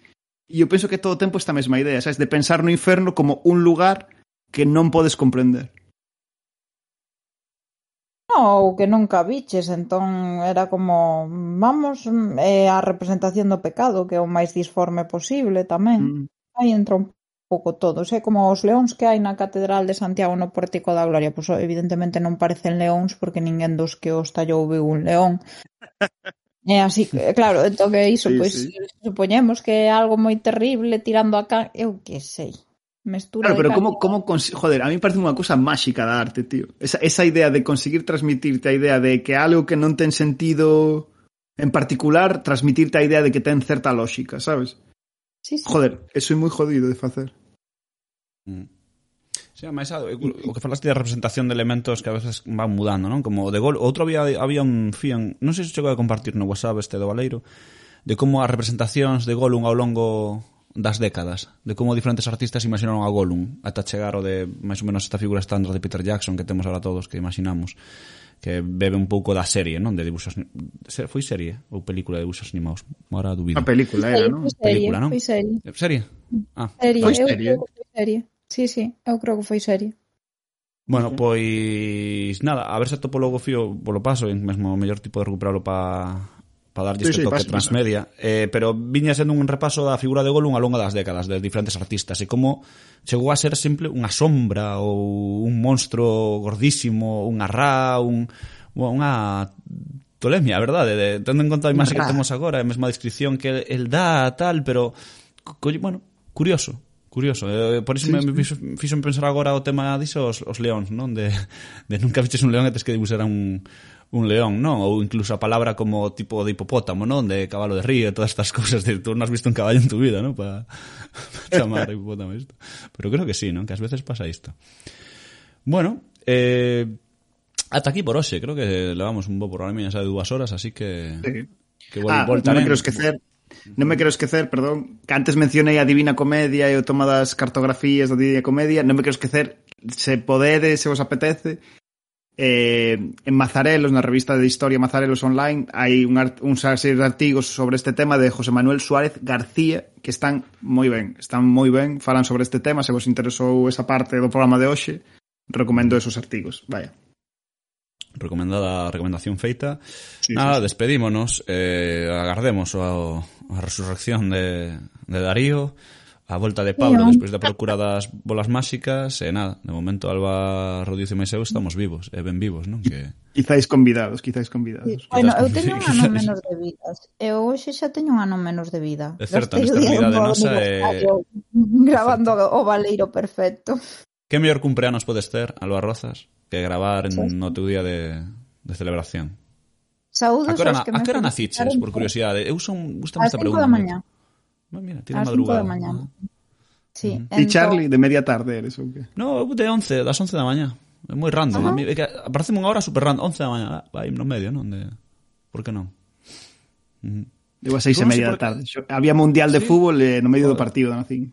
Hostia, é, é que eu de pequeno, e non me expliques por qué, pensei que normalmente nacíase de noite ou de madrugada, así, no, pero non teño ni idea de, de explicación na miña cabeza diso, de asumir que se nacía de, de noite non... As vacas, que se parece que sempre se poñen de parto de noite. Sí, tío. Eh, non sei, eu mm. non, non sabía.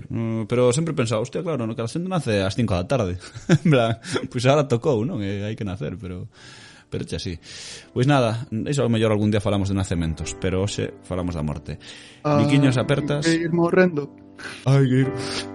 Vamos, veña, aburiño, abur. Durante uns minutos corrinche detrás.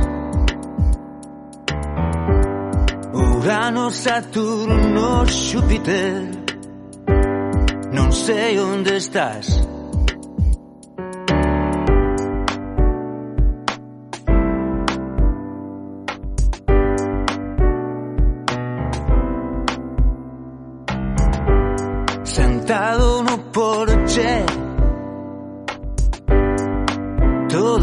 Paz Eu son o último terrícola. Non fun quen de marchar. No meu telescopio. Made in Taiwan. Vexo aparecer